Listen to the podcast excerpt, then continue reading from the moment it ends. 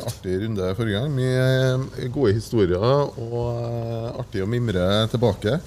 Um, men um, vi, jeg føler vi går glipp av uh, noe gullkorn innimellom, så vi må lete dem opp igjen. Men kronologisk sett så har vi kommet fram til en av de store singlene som ikke ble singel, har dere fortalt? Uh, en av de store singlene i norsk hiphop-historie. Uh, Råne. Råne. Den er jo eh, veldig artig. Det er jo satire på eh, høyt nivå av høy kvalitet. Eh, så noe som eh, låt og en musikkvideo som fortjener litt ekstra oppmerksomhet. Så, men eh, jeg var opptatt med mye annet på den tida, så dere må hjelpe meg litt. Eh, er det noen um, viktige ting i oppbygginga til, opp mot den låta som jeg ikke vet, eller skal vi gå rett på selve låta?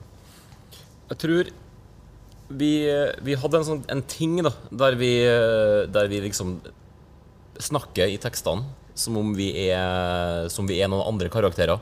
Ja. F.eks. i den, den heroinlåta som vi laga med Sanderfinger. Ja. Da er vi rik og vellykka. Og så snakker vi om hvor, hvor, flott, hvor, flott, livet er når du kjører rød BMW og du må, du må amputere bort ribbeina for at du skal bli perfekt. Og det var liksom, så da snakker, vi, da snakker vi som vi er de folkene. Ja. Og samme på skikkelig cool òg. Så snakker vi om hvordan det er å være en sånn eh, high roller og, og liksom som spankulerer inn på klubben og alle damene dåner og alt sånt. Så det, den måten Ekte storytelling. Eh, det, er, jo, har en lang historie i, i rappens uh, historiebok. Ja, det var, det var den måten synes vi var artig å skrive tekster på. da. Ja. Så Råne egentlig bare, var egentlig bare neste kapittel i, i den historiefortellinga. At nå er vi, nå er vi rånere. Kan vi ta det, for det er artig i sånne sammenhenger å ha litt sånne referanser til eh, Har dere noe Husker dere noen låter med storytelling som dere har vokst opp eh, med av hiphop? Det er jo så, så Snoop Dogg og Slick Rick og alle de der har jo ja. mye av historiefortellinger. da. Ja. Og, Ice Cube. Ja, Today was a good day, liksom, og hele ja. det der. Eh. Ja, det er et godt eksempel. Ja. Så, det, så den, og det er jo horisontal fortellerkunst òg, er jo den her historiefortellinga. Der, da snakker vi på en måte om den ene og samme fest, men fra tre ulike perspektiv, liksom. Så, og den kom i 2001? Ja, 2000-2001, ja. ja. Vi hørte på veldig mye sånn der musikk. Uh, en jeg husker godt, er den Black Alicious, Don't Let Money Changer. Ja, mm. Deception, ikke eh, Ja, Deception kanskje heter det. albumet. Mm. Jeg, tror jeg, jeg tror jeg kanskje hørte den på en EPF som kom før det, men det er jo veldig mye på den i hvert fall. Det er jo Hva er, hva er det? Ja, ja. Eh, det har jeg jo innsett i ettertid. Jeg har sikkert hørt så mye på den at ja, vi, vi, vi hørte mye på den plata på den. Jeg husker ja. vi, mm. det, både, begge vi hadde den på vinyl. Ja. ja. Ja, nettopp. Og da er det jo interessant bare å nevne, jeg skal ikke gå inn på det, men det var jo eh, av den gangsterhiphopen som dere har hørt på i begynnelsen, var jo sånn storytelling. Ice-T. Mm. Easy-E. Ja. Easy. Ja, ja. ja, eller Easy bare altså, Han ja, drev jo med sånne ting på sida. Men til Ice-T så var det jo han som fant opp den gangster, gangster storytelling.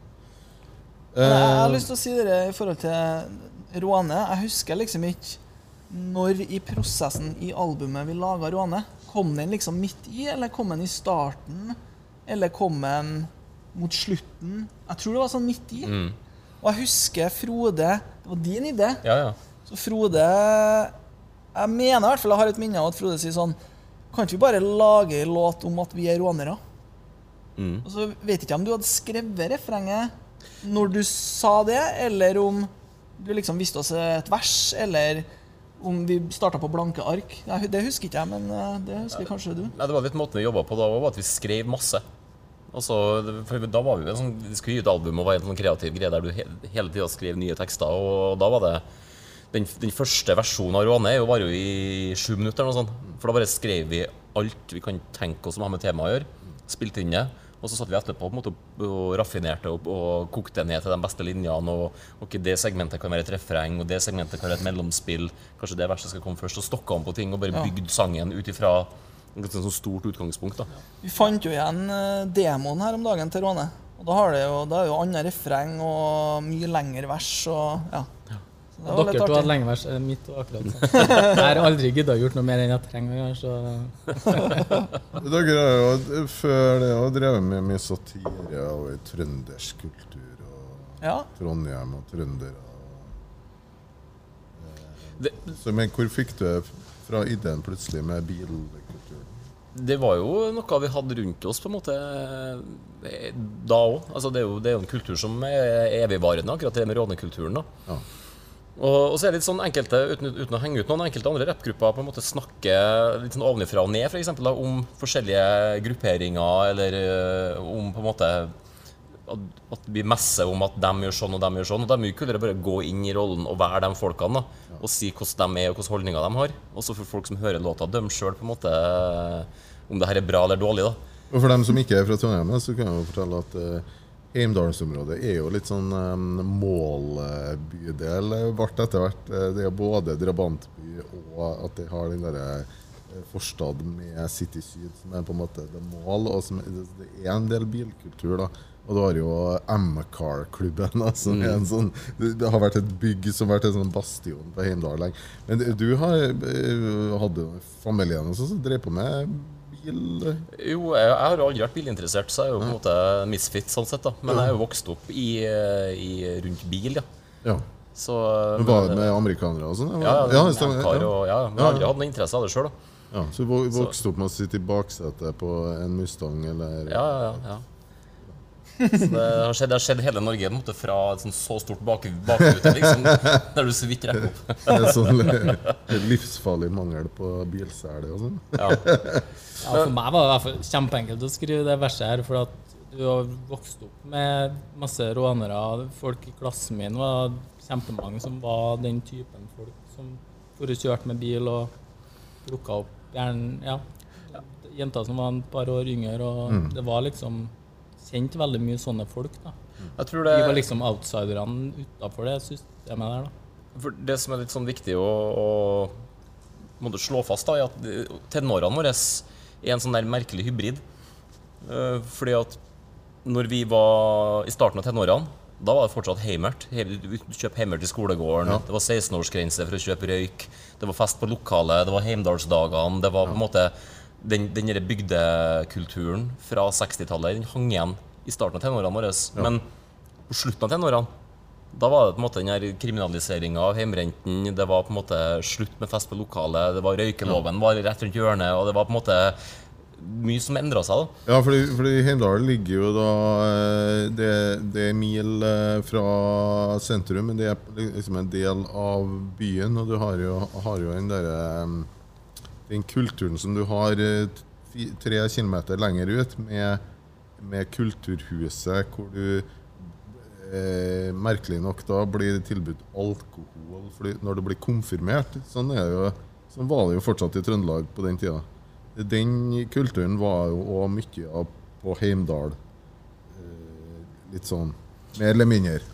Ja, så Mange av de folkene vi gikk i klasse med, også, de spaserte på en måte rett inn i denne rånekulturen. og så Selv om vi ikke vi bodde på landet, så var landet, det var fortsatt på landet på et tidspunkt. Ja, ja, ikke sant? Ja, ja. Så det, det med å liksom, komme inn i bil, bilmiljøet, det var, det var, et naturlig steg for mange som er nøyaktig like gamle som oss. Ja, ja. Husker jo Søskenbarnet mitt var jo bilmekaniker og tre-fire-fem år eldre enn meg. Ja litt, enda litt gamlere, men uh, han var jo råner. Og når vi skulle skrive råner, så ringte jeg jo han. Ja. Og så satte jeg meg med skriveblokka og så sa jeg bare nå vil jeg høre alle frasene. og hva, hva, hva snakker rånere om, og hva, hva, kan jeg si om motoren og biler og alt sånt der. da. Så han, han sa jo alt. Så hele verset mitt er jo skrevet av uh, ord og uttrykk som han kom med. på en måte. Var dere egentlig før før det, dere kom fra sørstatene i USA inn i hiphopen med dem som kjørte traktor i musikkvideo og sånn? Bubba Sparks. Country Grandma og Nelly og um, ja når, ja, når, kom det i det forhold til Råne? Det var før? Ja, for ja. at den linja, den linja 'Det er så varmt', den her, det er jo på en måte en slags sånn hyllest til 'It's getting hot in here'. Så. It's getting hot in here. ja, nettopp. Um, det er jo en godt skrevet tekst og en uh, veldig artig musikkvideo. Dere måtte ha hadde mye artig laga her? Ja. Den videoen er jo skutt på 35 mm film, altså film. da. Den er skutt på film, liksom. Ja, dritfine farger. Ja. Men pga. at den ble laga i 2003, da, så er den kjørt ut i sånn VHS-kvalitet. på en måte, Så den masteren er, den er ganske crappy. da. Ja, Det er ikke HD, nei. nei. Ja, ja, men Jeg innbilte meg da jeg så den på ZTV at jeg syntes det så crispy ut. liksom. I det, forhold til de andre tingene. Liksom. Ja, det gjorde det da. Det, det, den er liksom gitt ut i høyeste kvalitet etter dagens, datidens standard. Mm. Men jeg, hvis du ser det i dag, så er det helt krise, liksom. Ja, det er anamorfisk, eh, hva skal jeg si, vanlig sånn standard definition. Ja, så, så hadde, men, men har du ikke lagt den ut på YouTube i ordentlig kvalitet ja. sjøl, da? Ja, best mulig, da.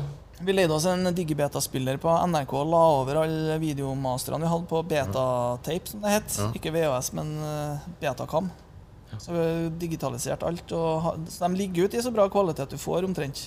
Ja. I teorien men, altså, du kunnet skanna rullene her i 4K i dag, liksom, eller i 8K for den saks skyld, så hadde det vært klart for neste generasjon. på en måte, For det er ikke noe, det er ikke noen begrensning på 35 mm i, i kvaliteten. Den rullerte sinnssykt mye på CTV. Jeg vet ikke helt Jo, og så ble det stemt fram av Jeg mener, jeg husker Ja, det var ganske ja, ja. mye. ja. Ja, det var, og så var det jo at det ble stemt fram. ikke sant? At det var ja. lytterne, eller seerne, som eh, bestemte hva som skulle spilles. Ja. Så det virker jo som det var litt sånn lokalpatriotisme. sånn at når først det var en trøndersk video der, så var det masse folk fra, alle fra Trøndelag som satt og kikka på det her, tok og stemte fram den. Det, liksom, den, det, det konseptet er litt sånn vanskelig å forstå, for det, er pre, altså det her er før YouTube. Sånn at hvis du ville se, hvis du ville se en musikkvideo, så måtte du skru på TV-en. Ja. Og så måtte du, uh, måtte sende SMS til Det var hiphop-swish på lørdager på NRK3. Ja, ja. Og da kom det, rulla det en sånn liste med her i videoen du kan stemme på. Og så kunne du, betalte du tre kroner betalt med SMS, og så kunne du stemme på den videoen. Og den videoen som fikk flest stemmer, ble liksom next in line. Og så Hver lørdag mellom tolv og tre så var det liksom hiphop-swish, og da ble alltid 'Tror du det?' og Råne eh, vist mange ganger. da. Ja. Det ble jo veldig populær i Trondheim, eh, men i hele landet, den der. Og etter hvert så um, var jo dere gjennom plateselskap og gjennom bookingselskap og sånn, så, så, begynte jo dere å gjøre noe som eh, andre trønderske hiphopgrupper bare hadde smakt på, nemlig å turne rundt i distriktene i Trøndelag. Mm. Jeg har alltid tenkt på det som en sånn sammenheng med rånerlåta. Ja. Er det en, sammen, det er det en sammenheng der? Det må jo være det, men altså Ble løypa, turneløypa satt opp av bookingselskapet, eller var det dere som Lett blanding. Sorry at jeg avbryter. Ja, det eh, nei, jeg skulle bare fortelle en ting. at Det er ikke så langt uti den turneringsløypa her, så skjedde det noe rart. For at vi har hatt den spill, uh, rullende på ZTV en god stund.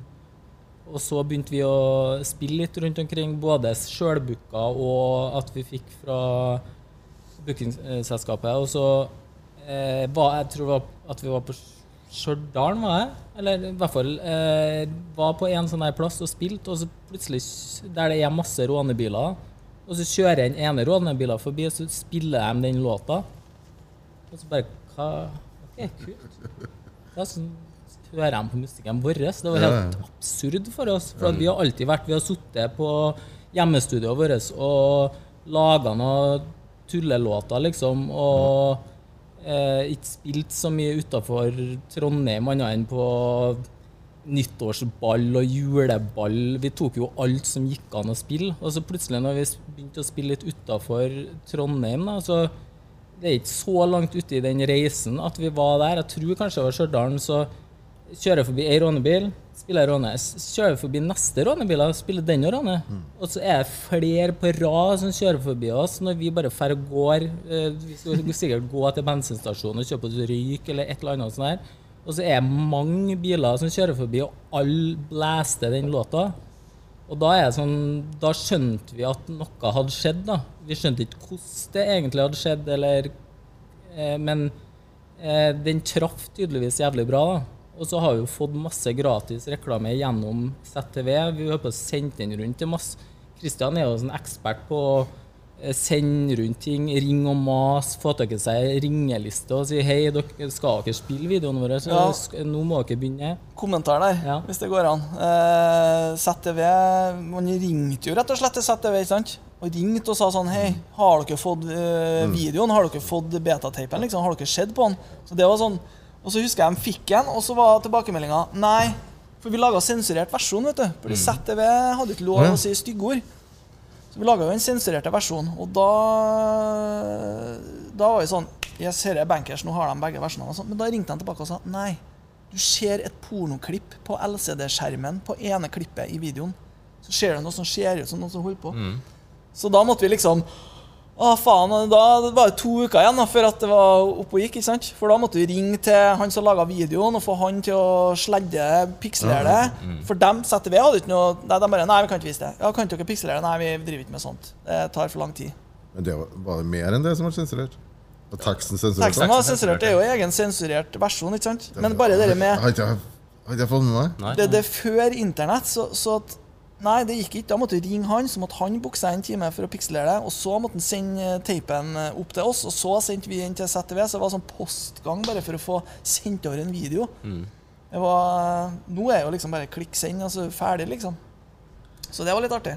Det har vært interessant å finne ut når ting skjer kronologisk. For jeg var, var, ble intervjua i Aftenposten om hvor jeg gikk ut og anklaga P3 for å begynne å sensurere hiphop, og at det kom til å bli bare verre og verre. Ja. Eh, Apropos det, det, så ble det jo aldri rånespilt på NRK. Eh, så det, Hæ? Det på P3? Nei. Kødder du, eller? Nei, nei. nei, vi har aldri hatt noen radiospillinger på Men, men altså Første møtet vårt med radio og med P3 var jo når Fem flate øre ble anmeldt av uh, Håkon Mosleth. Ja, ja. Og bare revet i filla, liksom.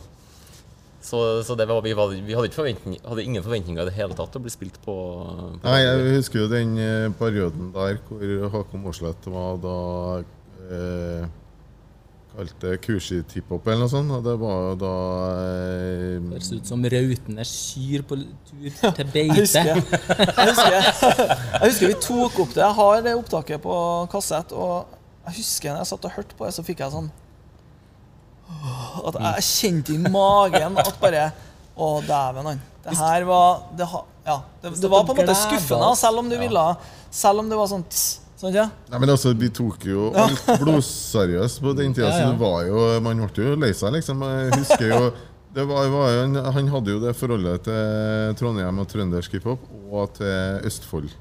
Penjakke fikk jo samme behandlinga. Det var jo når de var oppover en gang på dere Østenjamet, tror jeg. Og så var det et sånn svært natt og dag-arrangement eh, på Frimurlosjen samme kvelden eller et eller annet sånt.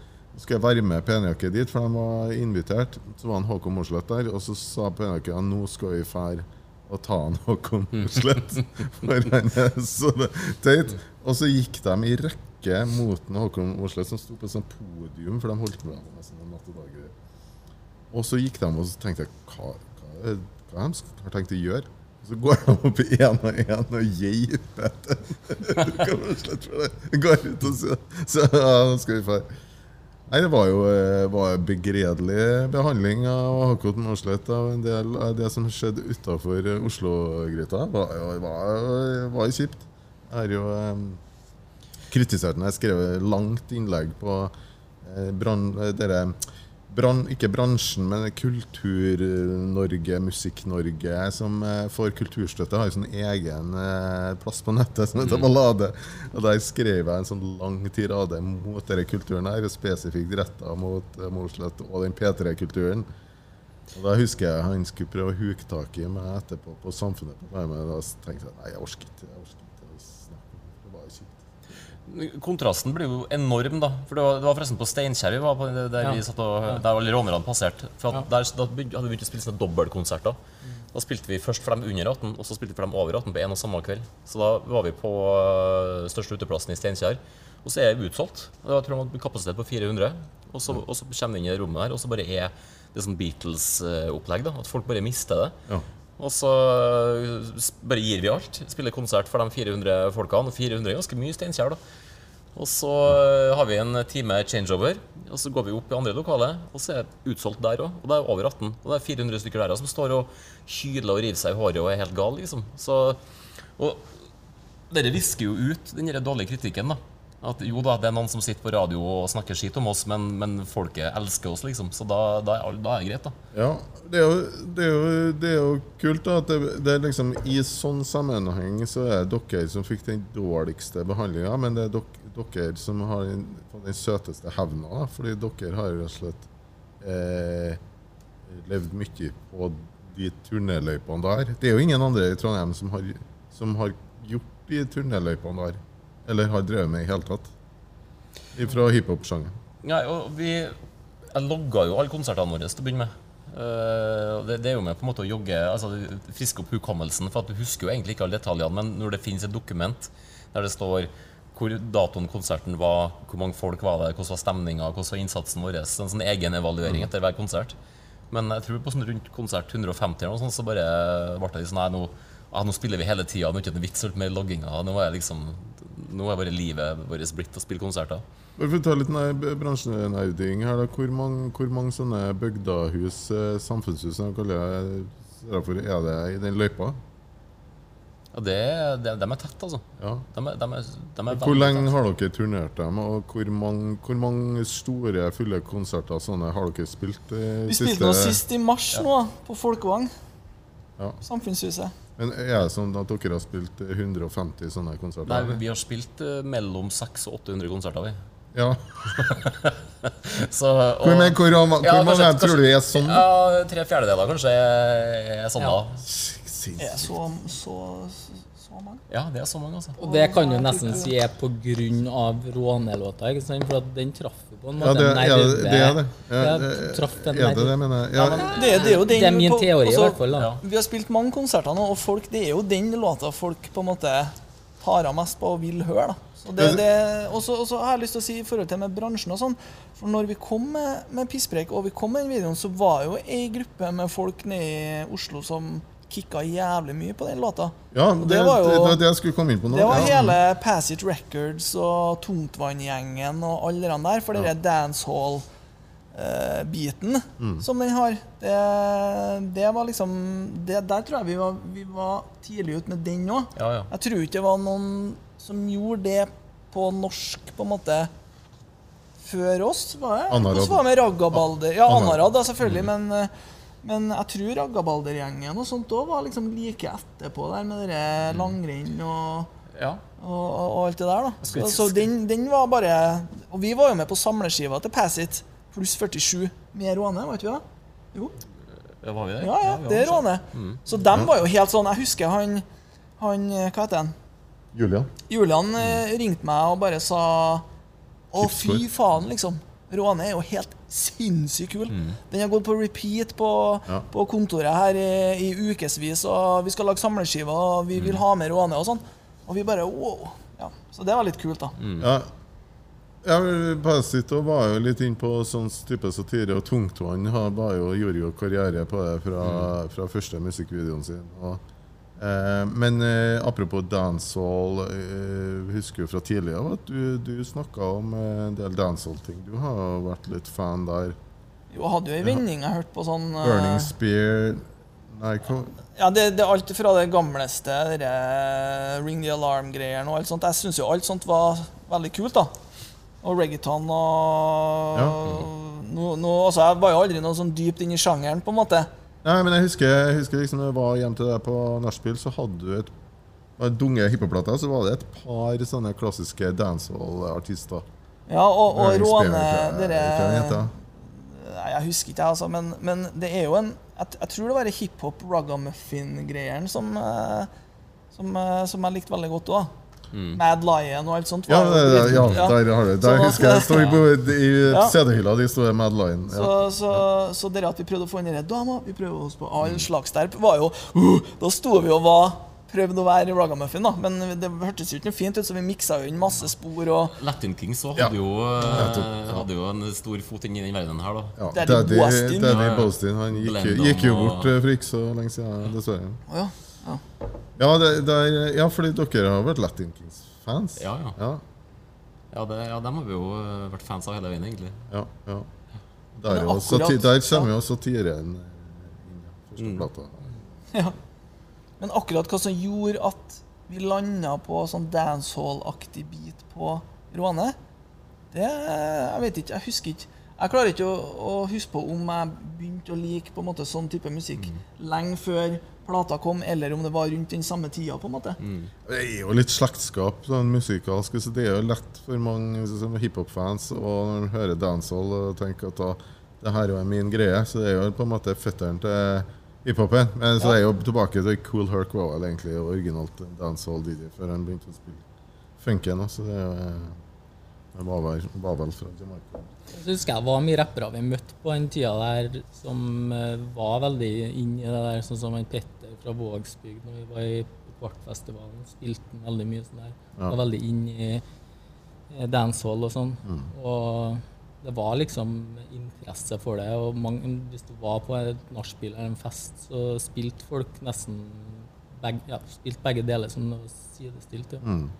Vi må snakke litt mer om Råne, for det er jo en, eh, det er jo en eh, det er jo kjempesatire. Men jeg forstår det sånn at eh, det var litt mis, misforståelser rundt låta. Og dere snakka om tidligere hvordan plateselskapet var skeptisk, for de mente at folk ikke kom til å forstå satiren. Hvordan eh, ble den eh, Publikum elska den jo, men hvordan ble den mottatt eh, ellers? Hvordan ble det for dere å være dem som har laga Råne? Du fikk jo en litt sånn ufrivillig forklaringsbehov. da. Vi følte ikke at vi hadde noe å forklare, for vi sto jo på det at det her skjønner jo alle. Alle forstår jo at det her er kødd. Men så ringer de plutselig fra debattprogram på NRK, fra, ringer fra P2 og er sånn vi vil ha med i paneldebatt om det dårlige kvinnesynet i norsk hiphop. Og da var jeg Klovner i kamp som eksempel, og, og oss som eksempel. Og, okay. og så er det litt sånn, ja, men ja, var, var den på rocken du snakka om? Nei, nei, nei, nei det var på radio. Det har jeg ikke fått med meg. Nei, altså det, det, var flere sånne henvendelser der vi måtte ble tvunget til å komme med uttalelser om hvorfor det er så dårlig kvinnesyn i norsk hiphop. Men så har vi jo ikke noe dårlig kvinnesyn i det hele tatt. Det her er jo satire. Nei, det er jo generelt veldig lite dårlig kvinnesyn i norsk eh, hiphop. Ja, Men eh, men måtte dere, hva sa dere på de NRK-intervjuene? Var du som var med på debatten, eller? Ja, men det ble liksom ikke den der Altså Jeg tror de hadde sett for seg en sånn build-up mot at det skulle bli en stor debatt. da Der det skulle sitte ja. en sånn uh, misogyn rapper og bare være og fyre av og være usmakelig. på en måte så, så, så, får ikke de det, da. De finner aldri han de skal intervjue. Nei, nei, nei. Så sitter noen der og er enig med dem, og da blir det dårlig debatt. da eh, Når jeg skrev den, så var det jeg så det miljøet utafra, og kanskje dem jeg eh, kjent som var rånere, tenkte jeg de er litt sånn de jeg kjenner, er litt sånn losers og oppe og plukker opp sånne småjenter. Så det er eneste referansegrunnlaget mitt. Så mitt vers det nesten det handler om. ikke sant? For det er jo grovt og stygt. Men det var jo med vilje, for det var liksom for å gjøre litt narr, da. Og, men jeg har jo hørt det fra folk i ettertid sånn Ja, vi satt nede i Oslo og eh, vi var, trodde dere var seriøse. Ja, ja, det husker jeg òg. er, hvor, hvor kom de meldingene fra? Nei, jeg husker, jeg husker ikke spesifikt. Jeg, jeg, jeg, husker vi var på noen konserter der vi traff, traff andre hiphop-folk. Jeg husker ikke hvem det var, men jeg husker at det var noen som vi spilte med, eller en arrangør eller noe, som sa at uh, Å ja, jeg trodde det var Jeg trodde det var seriøst, liksom. Ja. Trodde dere var Så, så den, den, kom inn et par-tre ganger, men ja. Det blir litt ja. Beastie Boys-greier nå, for de ble jo tatt for å være sånne som drev trasha og saboterte og ødela. Og så har de sagt i intervjuet at da måtte de bare bli det til slutt, da, for å leve opp til den eh, forventninga om at de skal være bad boys. Ja, det har de jo mange eksempler. Der er jo Tupac fra, som spilte Bishop i Juice, og han, eh, han har jo snakka om at Tupac kanskje ble så prega av den rollen at han ble Bishop. Ja. Men husk, husker du, Frode, en gang jeg var på en natt og dag-fest hvor vi eh, for og lånte masse klær på Fleiva. Og Fleiva og kledde oss ut med fake gullsmykker. Og det der. For, veldig godt inn i hele greiene her, da, for det er jo, en eh, rød tråd her at vi har gjort det der veldig ofte. Eller på den tida så gjorde vi jo sånne ting hele tida. Vi likte å leke med hvordan folk så oss. Og så skulle vi på en måte Vi skulle gjøre litt narr av Natt og Dag-folkene, ja. som ikke skjønte hiphop-greia ja. vår. Altså Fleiva var jo den største De hadde jo hiphop-klær. liksom. Det var, sånn, det var en kleskjede som hadde hiphop-klær. Ja. Og da var det sånn Fubu og Pelé Pelé og Kal Kani og alt det der. Og sånn, bare sånn oversized og sånn, sånn Knallgule ja, de, de, merkene der er jo Dollarbandana og Ja, ja, men altså Fubu og, og, og og de, de, der merkene der er jo ekte hiphop streetwear, men det var jo mye sånn tull og juggel og ja, vi, vi, gikk jo inn der og fikk lånt de mest ekstreme klærne, på en måte. Ja. Så, ja, som du sier, dollarbandana og, og liksom grills og liksom sånne sinnssyke klær. Og, det, ja, det var jo et lite sånn skille her for at vi kom jo fra på en måte bare det å ha seggebukser og litt sånn Army-jakke og ei svart uh, lue, og vi var litt sånn derre Den stilen, på en måte, da. Men jeg husker jo når, når at uh, den ja, bling-bling-musikken begynte å komme, så var jo på en måte hiphop streetwearen var jo vi var ikke helt der, på en måte. vi var på en Das Effects-greie. Ja, ja, ja, var på Das Effects, ja. Og så, kom hele P. Diddy-greia. Eh, og, og til og med Nas i shiny suit på musikkvideo. Og da var jo vi stilt opp i Natt og Dag. Dere spilte eh, spilt konsert. Og jeg holdt på med en bandana med sånne dollarsedler og amerikansk flagg, som Stars and Stripes, som, som kapp oppe mm. og sprang bak dere fram og tilbake på scenen. Og etterpå havna vi på backstage med Gaute Drevdal, mm. som jeg trodde det her var blodseriøst uh, opplegg. Ja, ja. Og da skjønte jeg jo at de Natt og Dag-guttene skjønte ikke bæret av hva vi holdt på med. Vi hadde ganske mange konserter i de første tre-fire årene vi holdt på, der vi kjørte kostymer. da Altså at vi, vi, hadde en eller annen sånn gimmick-greie for, for å på en måte spille en eller annen rolle. Sånn På Bula-konserten òg, en av første så står jeg med sånn skibriller. For det var jo en sånn B-boy-ting. Eh, hvis du ser på det charactersen som Sean tegna, så var det alltid som, en som hadde skibriller, en som hadde boblevest. Og det var liksom sånne elementer som hørte inn i den hiphop-looken. Liksom. Ja, vi, snak, vi snakka om det utafor uh, kameraet i sted. At det er jo hvor uh, det er interessant å se tilbake på det. For at jeg har hørt på mye old school hiphop-tekster i siste. Og overraska over hvor mye den der Zulu Nation, den der eh, The Message, eh, den der moralismen i old school hiphop, hvor gjennomgående var i tekster. Men så sier ja, Jan Tore at eh, jo, jo, men det var jo noe med den White Lines-låta og det, det, at et eller annet. Men Eh, det at alle het Ski til, på slutten av navnet, og, og eh, slalåmbriller, var jo egentlig en kokainreferanse. ja, og det jeg sa òg, var at det jeg har hørt, er at White Lines-låta var egentlig at de tok masse kokain, og så fikk Eh, det... plateselskapet dem til å putte inn den, den 'Don't Do It'. Ja, men Vet vi dette? Nei, nei men vi vet ikke det. Du, du, tror du husker at det var noe sånt? Ja, det har jeg lest om. jeg på har du? Ja, okay. ja, nei, det har ikke jeg fått med meg. Den har jeg jo på sjutommer. White Lines. Og det er samme som Folkeaksjonen mot Tarsman. Brutter'n ringte meg og sa Du, den derre sjutommeren White Lines som du la ut eh, på Insta-storyen din, det er min. Jeg bare Nei, sa han. Står det et stempel med Huseby skole på den? Jeg bare, ja, ja, det er min. Jeg stjal den på klubben på huset mitt. Men jeg har en historie i forhold til råne og forhold til litt sånn kontroversielt i forhold til tekster og sånn. Ja. Eh, men da må jeg liksom hoppe 20 år frem i tida. For at uh, råne Også hva skal jeg si, Jørgen og gjengen der, de likte jo den rånelåta veldig godt. Og når at Ragabalder skulle gi ut en mixtape for en fem, sju, åtte år siden, mm så ville de at vi skulle lage en dubplate av uh, Råne. Så vi spilte inn hele Råne på nytt. Bare at vi uh, holdt på å droppe masse uh, ragabalder og gjorde om tekstene og sånn. da. Mm. Og nå har vi jo fått laga remix av Råne. Eh, og vi sendte jo a capellaen og greier, og da Det er en Sape og, sape, ja. og, Jodski som har laga den remixen. Ja, kult. Jo, ja, det er jo egentlig Sape, da, men Jodski mm. er jo en slags sånn der eh, art director, på en måte. Mm. Eh, men eh, da, da skrev en Sape at uh, jeg kan ikke lage en remix med teksten der. Det går ikke. Det som blir sagt der og der, det, det, det må kuttes bort, liksom. Med, med, med det var det to, ja. Mixtape-coverne til Jodsky og sånn, så er vanskelig. Ja, ja, men, ikke til Jodsky, med Ragaballer sine cover. Alt er lov, men, men, det er jo én ting også. Det er jo ikke lov eh, det, det, det, også, men, Underage ja, ja, liksom. så, jo, men, er forelder og ja. ja. men det er jo Jo, jo altså, jeg er forelder og er jo ikke mot uh, at ting skal sensureres for uh, unger. For det er jo der skal man sensurere, så er det jo i den sammenhengen det ble riktig. Ja, for unger, ja. For ja. unger. Mm, ikke så mye for men, sensur ellers. Men, men, men, der må vi snakke litt om, det, for det er jo Det er jo, det er jo satire.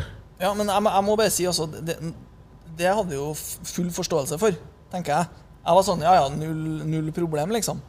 Her må man bare Den som lager remix, må jo gjøre den, det man er komfortabel med, tenker jeg. da. Og så hadde vi den kapellaen fra den dubplaten. Mm. Der er jo masse kule, kule greier også. De har jo laga en slags mishmash mellom dubplaten og originalteksten og liksom bare choppa opp alt. da. Ja. Og det er jo, Resultatet har jo blitt helt sinnssykt. Så, så jeg tror nok at det at de gjorde det, har gjort det kulere enn at de, om de bare hadde tatt original eh, Råne-akapellaen, mm. egentlig. Jo, uh, ja. Så ja. Men eh, Det ble veldig kort, verset mitt. da. Jeg må bare skyte inn én ja. ting, jeg òg. Eh, det var én gang det slo meg, for at alltid har jeg sett på det der som Ja, vi vet jo hvorfor vi skrev det sånn, og at det ikke har noe med oss, at det var liksom roller vi spilte. Men en gang så når vi spilte sånn under 18 og over 18, som Frode snakka om i sted, ja. så eh, Noen av dem var jo sånn som han sa, 400 på under 18 og 400 på over 18, men noen ganger så var det jo veldig lite på enten det ene eller det andre. Og en gang så var det Jeg husker ikke hvem vi spilte, men eh, da var det plutselig fem eh, 14-15-årige jenter som sto bare i publikum. Og så tar vi settet vårt, så skal vi ta råne til slutt. Ja. Så står jeg og rapper de teksten direkte til fem-seks 14-åringer jenter. Ja. Og da Det er ikke noe greit. Det var, det var ikke greit. Nei. Vi har slutta å spille konsert for under 18. Ja. Jeg tror vi gjorde det siste gang i fjor. Og det, det vi, vi sensurerer den låta, rett og slett. Og, ja. og jeg husker vi var på en barneskole en gang og fremførte Råne. Det må være lenge siden. Nei, ja, litt. Jeg tror det var bortpå der du jobba. Ja, men vi sensurerte oss sjøl. Men jeg, da husker jeg jeg tenkte sånn herre Det her er ubehagelig. Det her er, det her er helt feil. Vi, vi ja. kan ikke stå og være rappen for, for, for, ja, for barn og ungdom, liksom. Det blir bare Og det har jo vært litt ja. argumenter når folk har kommet og klaga. For det har vært foreldre som har kommet og klaga på at ja, når den sangen kommer på, så må jeg liksom, da må jeg skru av, det må jeg skåne ungene mine for. Så må vi forklare dem at de lager ikke musikk for unger. Det er jo du som forelder som må kontrollere hva ungene dine hører på. Og hvis ungene dine sitter på YouTube og hører på Råne, liksom, det, det, er ikke mitt ansvar. Det er ditt ansvar som forelder å, å, ja. å kontrollere det. Men eh, det, det, er ikke folk så veldig eh, opptatt av. da Men kan, kan vi snakke litt om det, for det er jo interessant. For det, er jo, det er jo enkelte sånne te, te, tema som aldri har blitt diskutert så mye i Norge. Fordi vi vokste jo opp med, med Nancy Reagan-kampanjene mot Ice-T og NWA, og som endte med den derre uh, advarselen. Mm. Pisspreik, støtende innhold. Parental ja. advisory, ja. Ja, den parental advisory. Eh, og jeg føler vel kanskje at det at man aldri når, når, debatter og diskusjoner om viktige ting som har med moral og etikk å gjøre, ikke gjøres på en ordentlig måte, så går vi glipp av det å løse det i de sammenhengene det er viktig. F.eks. at det ikke er greit å fremføre en sånn låt for barn. Altså, for eh, det er en sånn greie med, med, med at i, i, Norge så det, det med ikke sant? Sex, drugs and rock and roll Hele kulturen fra der av. At man aldri fikk den derre OK. I USA så tok de en ordentlig, for der var det jo liksom Eh, jo, men vi må sensurere det for ungene. Men det er greit for voksne. Men med P3-diskusjoner diskusjoner jeg hadde med Håkon Mosleth f.eks., så var jo aldersgruppa til P3 var jo både barn og ungdom. Mm. Så det ble jo så vanskelig. Det var rett og slett i mangel på det som egentlig kanskje burde ha vært en egen ungdomskanal.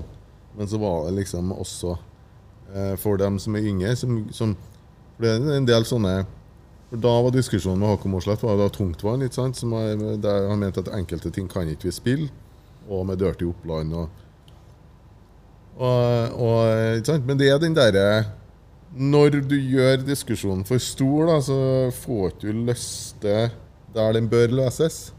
Eh, men, så det, dere har landa på noe som voksne at, eh, at eh, det samme som jeg tenker. da. Vi er jo foreldre hele gjengen. Etter, etter sist gang vi hadde konsert for på en måte ungdom, da, altså under 18, ja, ja. så, så det, det, det, føles ikke vi, vi, vi, er på, Jeg vet ikke. Altså, jeg, altså, jeg føler vi, Når vi spiller, så er det en sånn jovial greie, på en måte. Det, det blir mer sånn du føler at du står der og prøver å på en måte være noe foran, foran ungdommer, liksom. Så har du med at feil. Vi var jo ungdommer sjøl.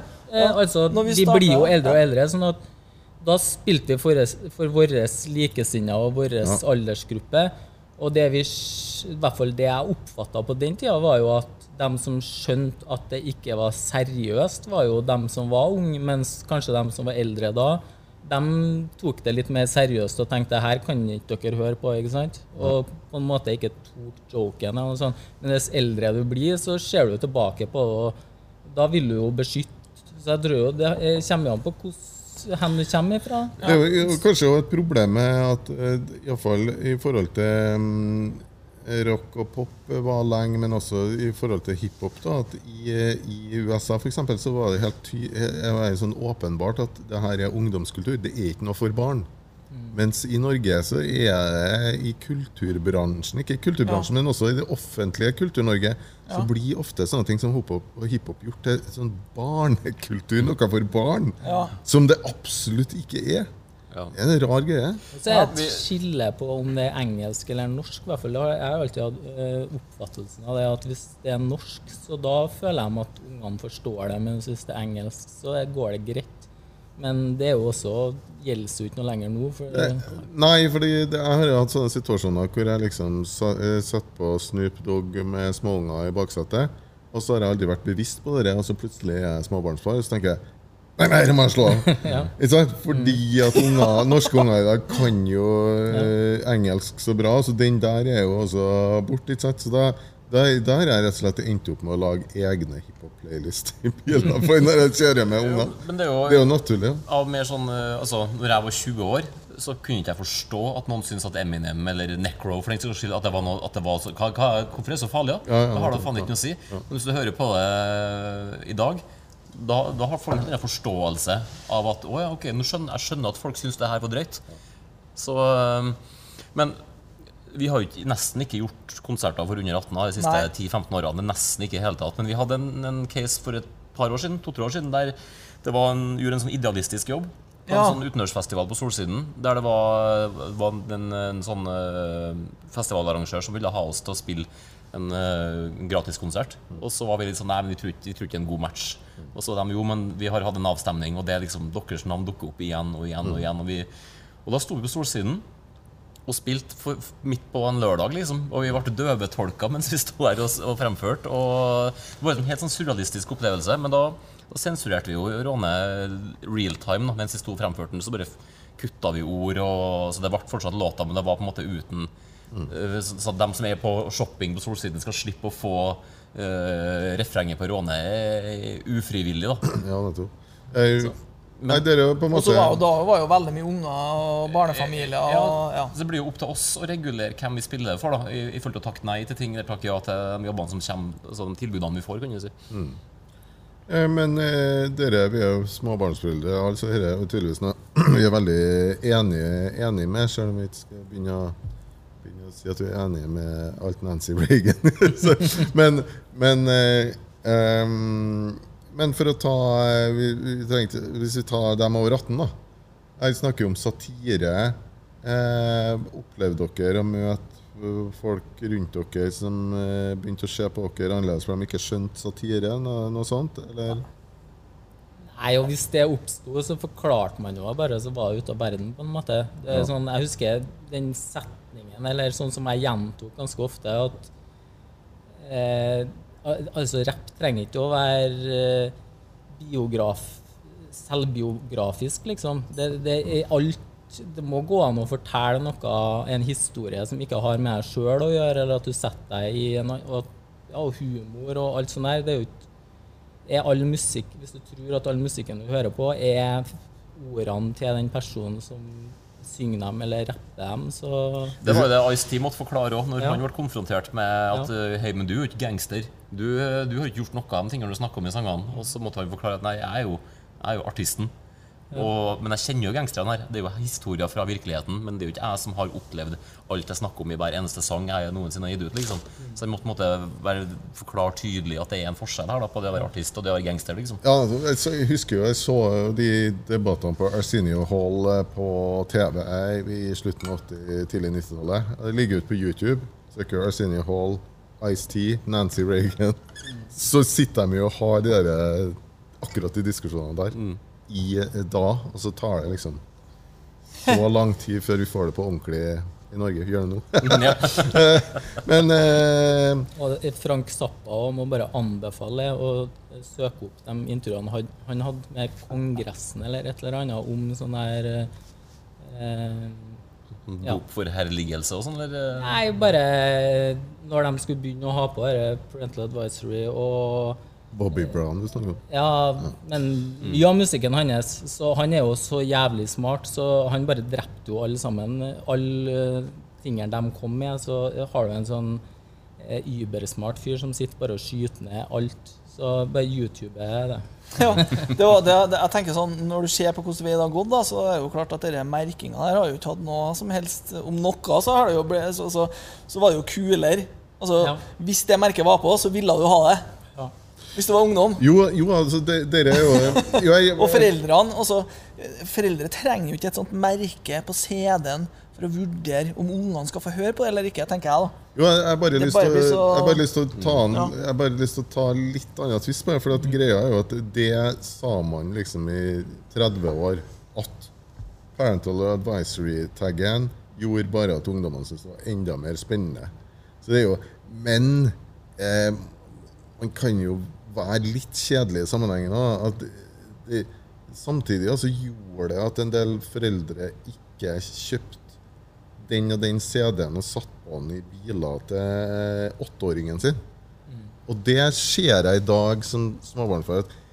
Ja, det syns jeg er helt greit at man ikke det, gjør. men at, tror du eh, det faktisk noen gang har skjedd at noen har gått inn på en eh, butikk og tenkt nå skal jeg kjøpe en CD som jeg skal høre på med ungene mine, eller gi til ungene mine, og så har de sett å nei, der står det Parental Advisory, den må jeg ikke kjøpe. I bibelbeltet i USA så tror jeg det var veldig sånn. Ja, Morsan kom til meg når hun, hun fant Gravediggas uh, første albumet. Ja på midten av 90-tallet så var jo folk veldig redde for satanister. Ja, ja det var jo metal og, og da, med og Judas Priest-greia. var det samme Da kom hun med Gravedigga Six Feet Deep og bare Hører du på satanistmusikk? nei, det, det, er rap, liksom. Ja, ok, Da var det greit, da. Ja, ja. Så det var greit å høre på rap, men så lenge det ikke var black metal, liksom. For det var ikke greit. Når jeg og Frode hørte på Public Enemy We Want Some Pussy No More Pussy, no more pussy ja. ja, ja. Kom morsan og kjefta på oss, for hun trodde at det var pussy. Det var så mange som eh, trodde om Wanted Pussy når de Men eh, Nei, men jeg bare vil si det. For jeg liker jo vel Fordi vi er jo ofte kule hiphopere, men jeg liker å være litt kjedelig og kjip av og til. Mm. Og det er jo det at for meg så blir jeg Når, det, når ungene mine gikk i barnehagen, så var jeg veldig greit på Spotify. Bare slå på sensurerte versjoner. Mm. Ja, for du har egen funksjon si på Spotify til det òg? Nei, du har, du har på både sånn, iTunes og Spotify så du, kan du velge mellom explicit mm. eller ikke. Oh, ja. Og med sånn at For meg så ble det veldig praktisk. Ja, ja, ja. ja jeg visste ikke at den funksjonen eksisterte på Spotify. Dere er jo både rappere, produsenter, har DJ-er litt, breaka, hatt spraybokser, alt mulig. Eh, men dere har jobba mye med, med beats. Hvordan, jobb, hvordan jobber dere fram mot et album på den måten? Tenkte dere noen gang at dere skal hente ut mm, eh, beats av musikkdelen utenifra? Eller eh, Det som er artig med dere, er at dere har jobba som en sånn klassisk rappgruppe. For det som skjedde med rappgruppene som oftest, er at de oppløser seg. Eller at det består av en DJ og rapper, og DJ-en blir liksom ditcha. Mens dere, dere har liksom holdt sammen i så mange år, og også i forhold til det med, med å produsere. Da. Hvem, er, hvem av dere er som har produsert beats? Og Pisspreik er meg. Og Pisspreik er du, men du har holdt på litt med beats? Fem flate øre-biten altså, der. Laget du Fem flate øre-biten?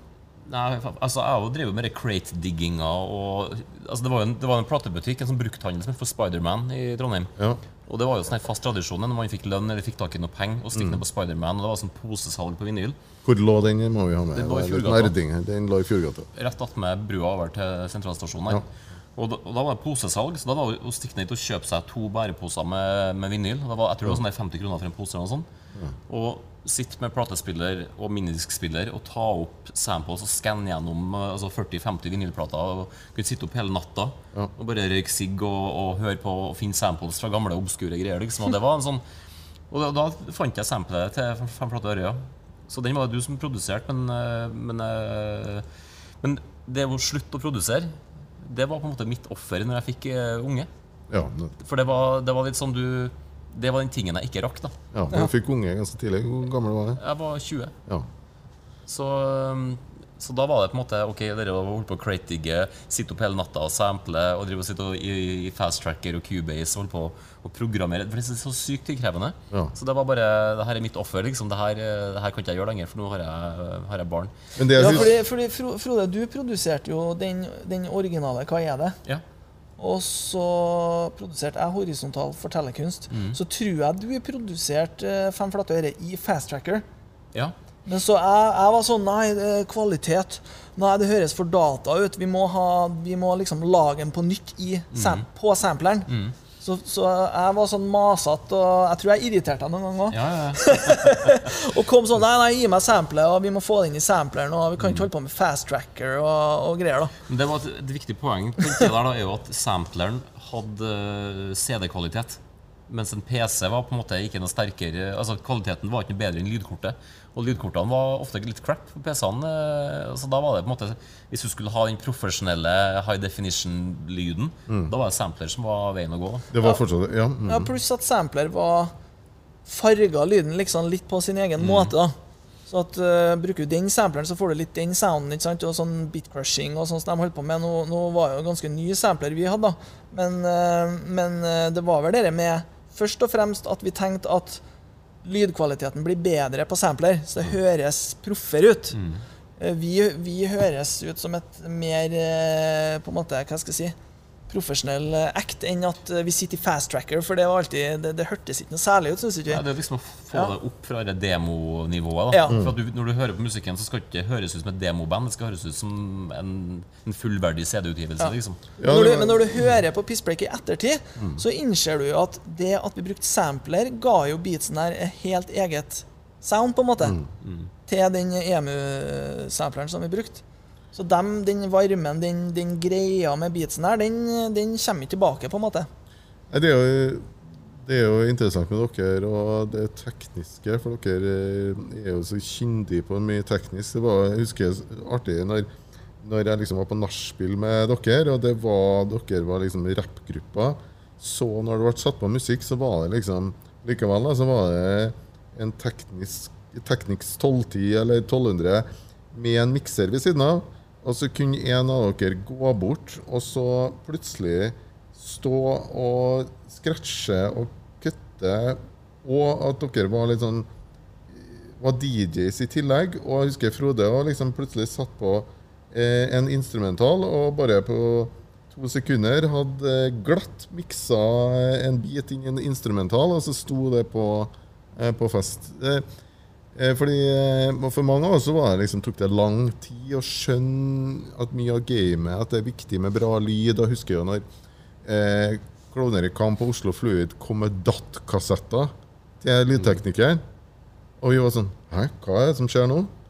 Eh, og la ikke merke til hvor sinnssykt mye bedre lyden var. da. Mm. At vi sto knota med å spille live. Eh, eh, altså Det tok lang tid. Jeg sto med vinyl, tolvtommere med instrumentaler eh, og måtte kjøre lyden. Jeg oppdaga etter hvert at DJ-miksene holder ikke. Du måtte ha en pioner-DJ-mikser mm. som du kjørte lyden gjennom, og så ID-bokser. Mm. Eh, eller du hadde eh, Jørgen fra Tungtvann som som hadde litt mørke stemme, som eh, på rideren skrev at nei, han skal, er det trådløs miks, så må han ha den kvaliteten, for han vet at hvis ikke så fanger ikke opp stemmen. Mm -hmm. det, er jo, det er jo interessant da med at dere er både kunstnere og har alt det tekniske.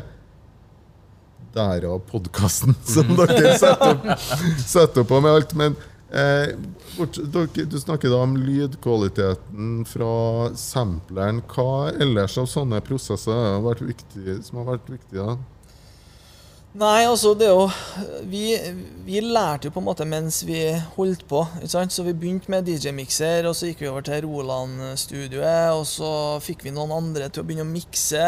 Og så, og så har det bare vært en sånn mishmash med læring. Og vi var jo veldig fort på at vi skal ha det skal være god kvalitet. da. Så jeg, jeg, husker ikke om det var fordi at vi begynte å snakke om, om at vi skulle gi ut album, men jeg, vi, vi, altså, vi, vi kjøpte jo oss en G4.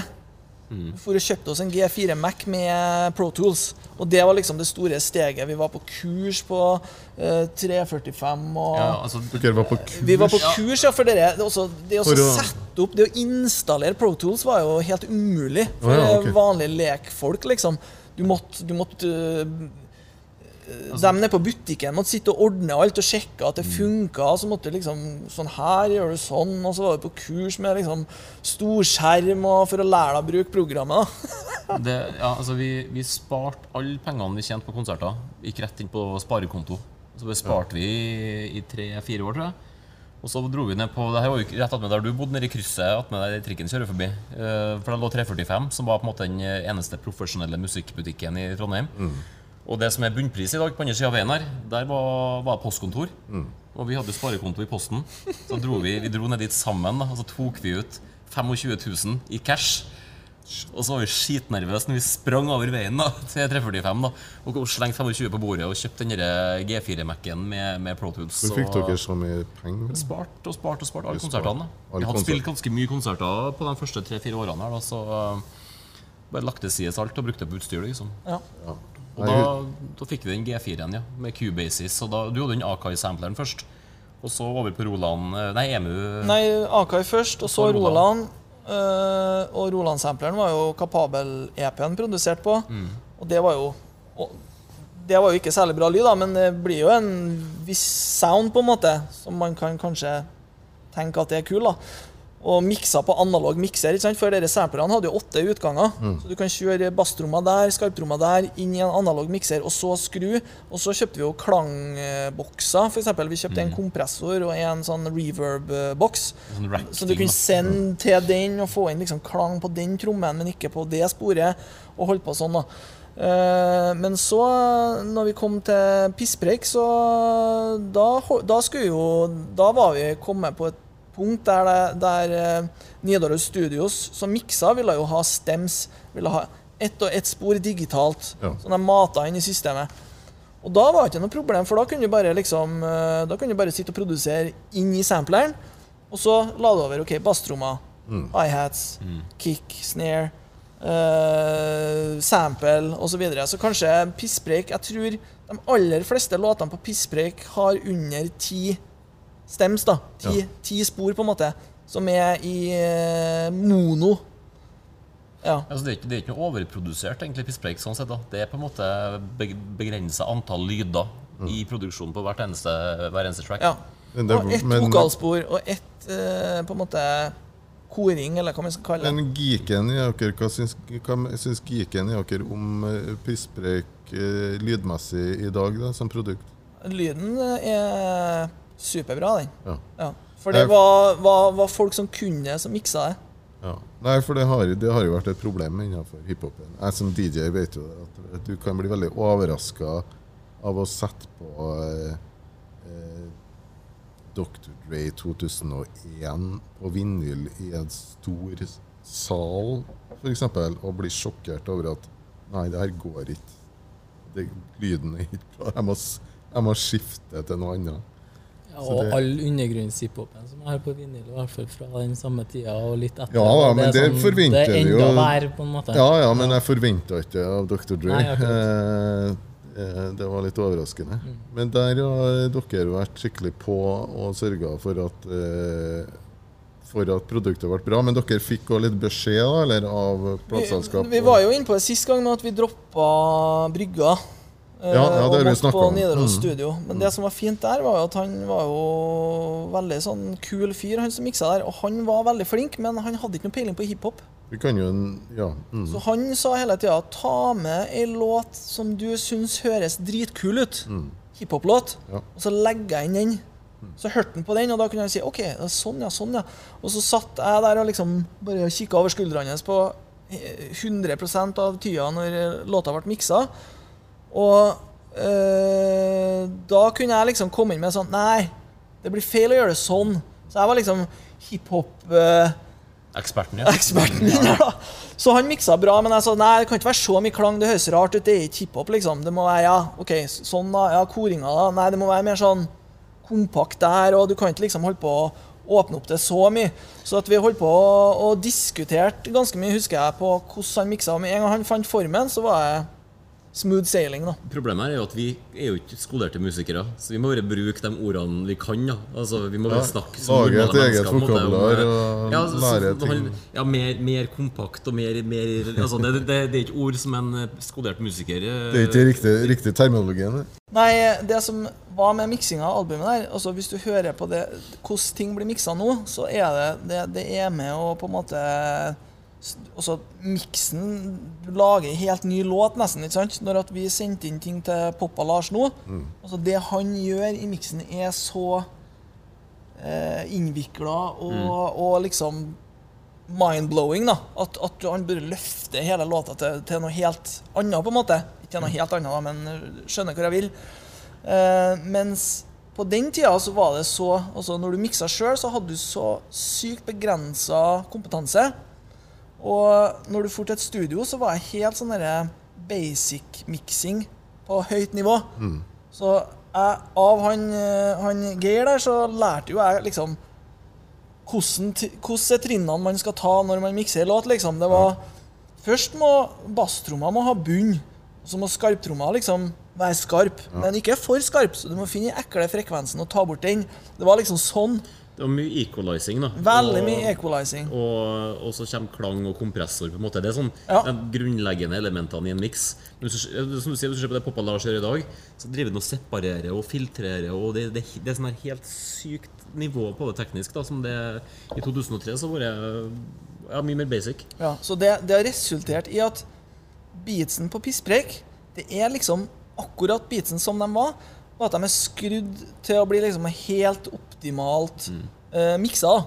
Og samme med vokalen òg. Det, det er eneste som er gjort, er at det liksom er skrudd så fint som du kan få det, og jevna ut og ordna. Så det, jeg tror det er mye av derfor du får litt den, den sounden som Pisspreik har òg. At han på en måte har ivaretatt det som det er, men han har bare optimalisert hvert spor som det er. Da. Han har ikke lagt til noe, har ikke tatt bort noe.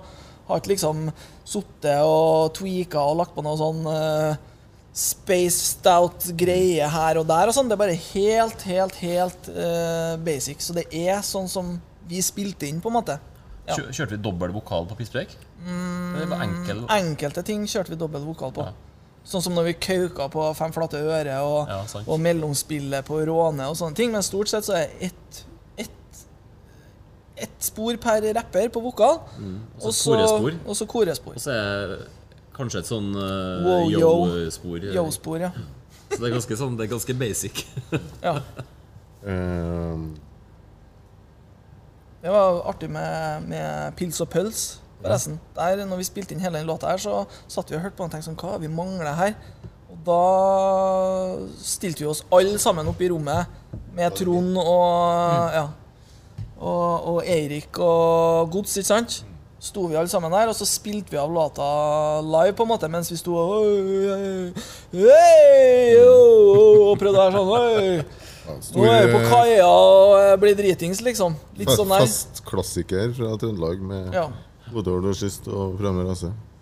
Eh, men eh, eh, når jeg var som verst inn i West Coast-bølgen og opplevd ja, parallell der òg, med bilkulturen i USA. Så var det sånn, Jeg husker vi satt inn i klasserommene, og så plutselig så begynte bordene å riste.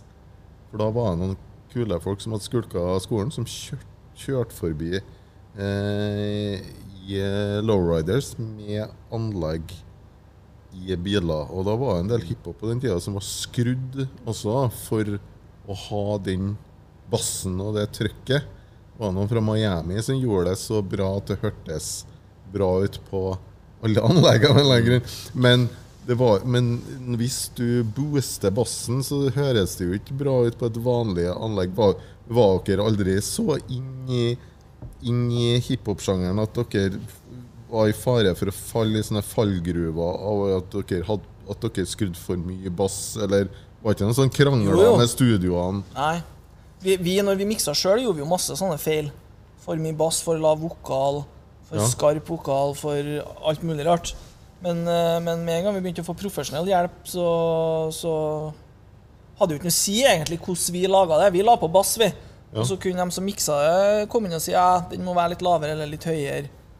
Ja. Men jeg som, men jeg som DJ er jo sånn Jeg skulle jo helst ha ønska at noen uh, skrudde egne versjoner for oss DJs som har mer ja. trøkk i seg. Mm. For jeg har nettopp oppdaga sikkert mange har visst om lenge, men på YouTube, så når du kjører bil, da, så kan du bare droppe Spotify og så, og så mixtapene dine. Og så skal du på YouTube og finne eh, egne hiphop-versjoner med boosta mm. bass. Mm. ja. Et godt, uh, godt, eksempel der er når 50 eh, Cent kom med In The Club. Ja. Så jeg skjønte ikke hvorfor folk syntes den var kul. Jeg, bare, jeg, jeg hørte den. og bare hva, hva, er greia? Hva, hvorfor Du hadde ikke hørt, hørt, på den i bil? Nei, men så kom jeg, kom jeg på Jeg tror det var på 3B, og ja. antagelig var du som var DJ der, da. Ja. Og når du spiller den låta på det svære klubbanlegget der Fy faen, så kul den er! For den basslinja her, det, det, det, alt, alt, foregår i, i bassen. Ja. Så hvis du hører den på, på, i, i, bilen, eller bare på en sånn et lite anlegg, PC-høyttaler PC f.eks., eller på små airbuds, ja. så, så, er den ingenting, liksom. Ja, fordi det vi gjør som DJs, er jo nettopp å booste basen mm. i forhold til lokalet. Eh, for det er mye mer av DJ-arbeidet. Det er jo mye, det er mye mer sånn tweake lyden sånn at det er godt å høre på enn folk tror. Og da er jo da, er jo, da var jo In The Club en sånn eh, herlig låt å spille for dansegulvet, liksom, for da kunne du liksom bare drenge på. Mm. Jeg kommer på der når dere snakker om det. Sånn Fun fact med Råne var jo at vi hadde sampla et ganske slapt tromme, en trommeloop. da. Den derre bom, bom, bom, bom. Den var ikke så veldig Eh, den slo ikke så veldig bra i magen og mellomgulvet som den skulle. Så det var vel den eneste låta han tok inn for å mikse, der han sa at bare Nei, det her går jo ikke. Hvor er basstrommet? Dere har jo ikke noe basstromme. Og da la han inn, fant han frem ei basstromme som han eh, la inn der, da. Og liksom eh, synka opp med, med trommene i, mm. på, i Råne. Eller som vi hadde sampla, da. Men ta utfordringa nå, altså lag egen versjon bass-boosted og legge ut på YouTube. Ja, ja, ja. sånn at vi kan spille i bilene våre. Nei, men jeg tror faktisk det, den, det, at han gjorde det, kunne faktisk hatt en, en innvirkning på hvordan den låta slo an. Ja. For han, det er nesten, altså Et av de viktige elementene er jo hvordan kicken høres ut. Ja, for det trengs egentlig ikke på den låta. Fordi det er, det og den, For den låta har egentlig ikke noe sånn spesiell basslinje heller. Det er sånn brum, brum, brum, Som er litt mørk, som han har forsterka bassen litt på. Men det er ikke noe sånn Det er ikke lagt på noe bass på låta. Nei. Den har ikke noe bass uh... Det er kun bassen fra basstromma, ja? Det er ikke noe annet Jo, det, det, er en sånn Det er ett sample som på en måte Altså både basslyden Boom, boom, boom, boom, boom, boom. Mm. Og så det Og Og alle de lydene der, det er ett sample. Det er samme samplet. Ja. Så jeg bare pitcha opp når jeg hadde det Og så hadde jeg vanlig pitch når jeg hadde melodien som går, på en måte. Og så tok jeg super low pitch når jeg ordna bassen. Mm. Så det er, ikke, det, er ikke, det er samme samplet, men ja. det ble mer bassete når det ble pitcha ja, ned. Ja, og så har han skrudd opp bassen på det, selvfølgelig, men det var han som la på det boom, boom. Altså det, det som får det som på en måte sementerer drivet når du hører en i bil eller eh, på mm. dansegulvet, kan du si. Ja. Mm. Så, så, jeg tror nok han eh, laga gull av eh, Hva skal jeg si? Gråstein?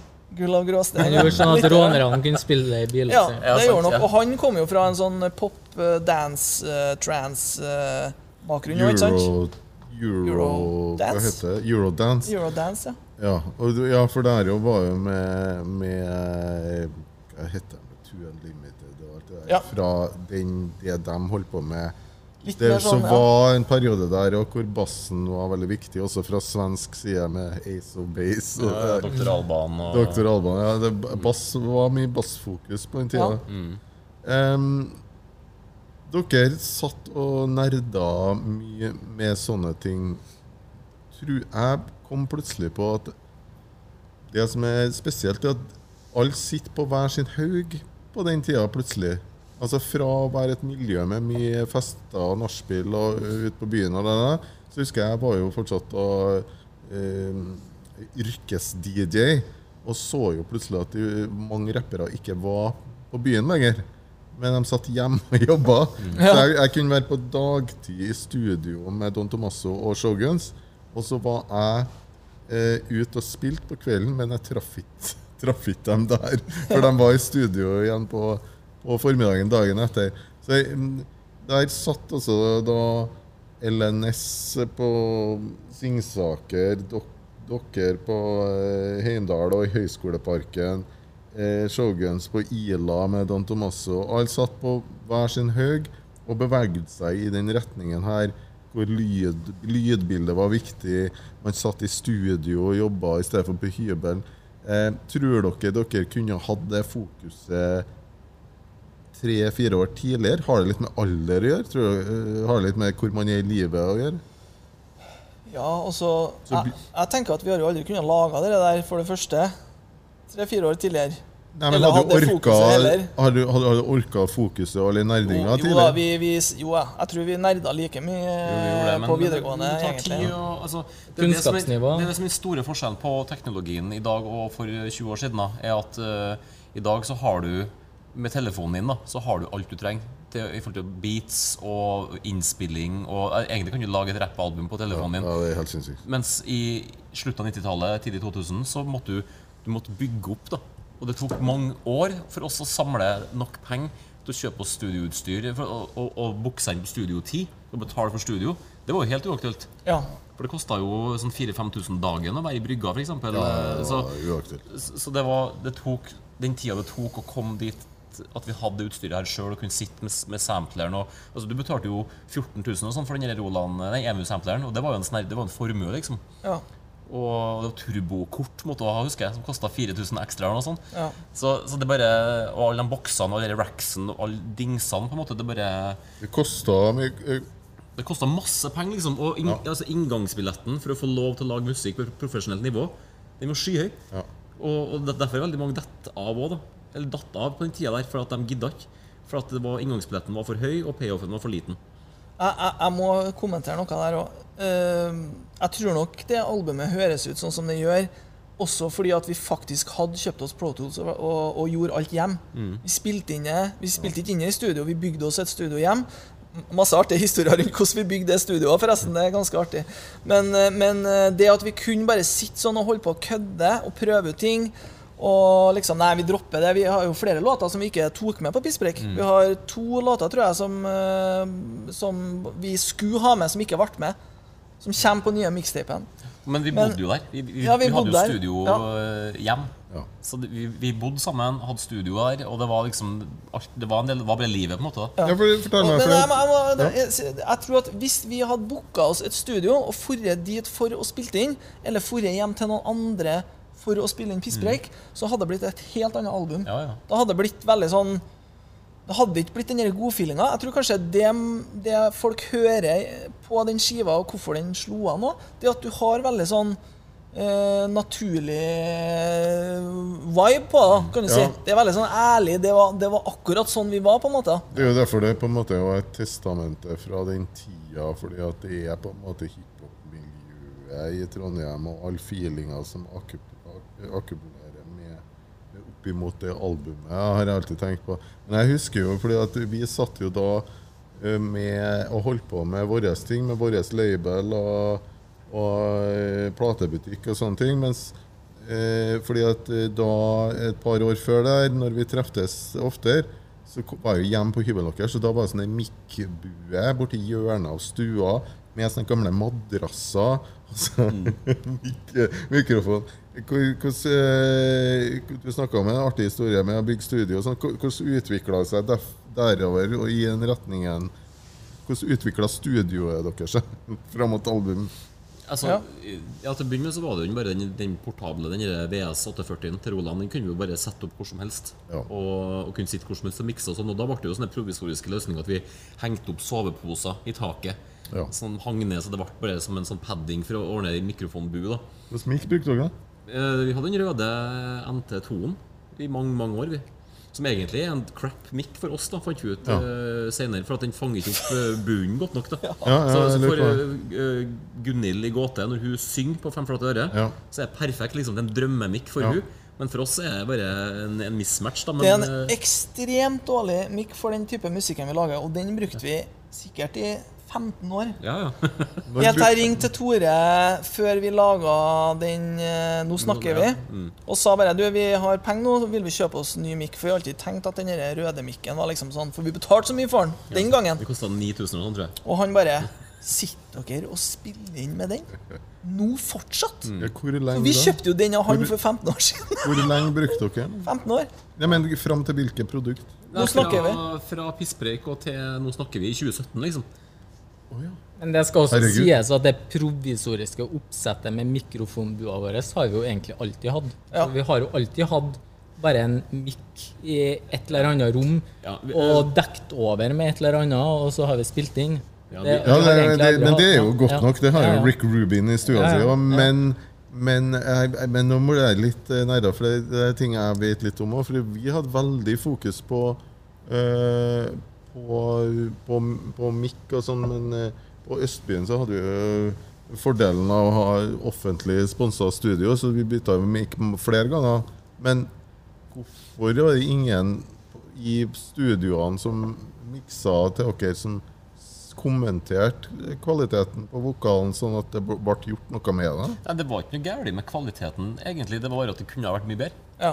Ja. Så, så det, altså, Vanskelig, det, vanskeligere å mikse det bra ja. med den mikken, men ja. ikke umulig. Og, og andre ting i forhold til sånn mikrofonbu, da. Mm. For det var vi veldig opptatt av. Så vi slo jo i stykker noen sånne bokhyller, og så bygde vi oss en sånn mikrofonbu med sånn vindu, så du kunne se ut på teknikeren, og kledde oh, med tepper innvendig, og hadde sånn dør som du kunne skyve opp. Og, men der spilte vi mye pisspreik inni.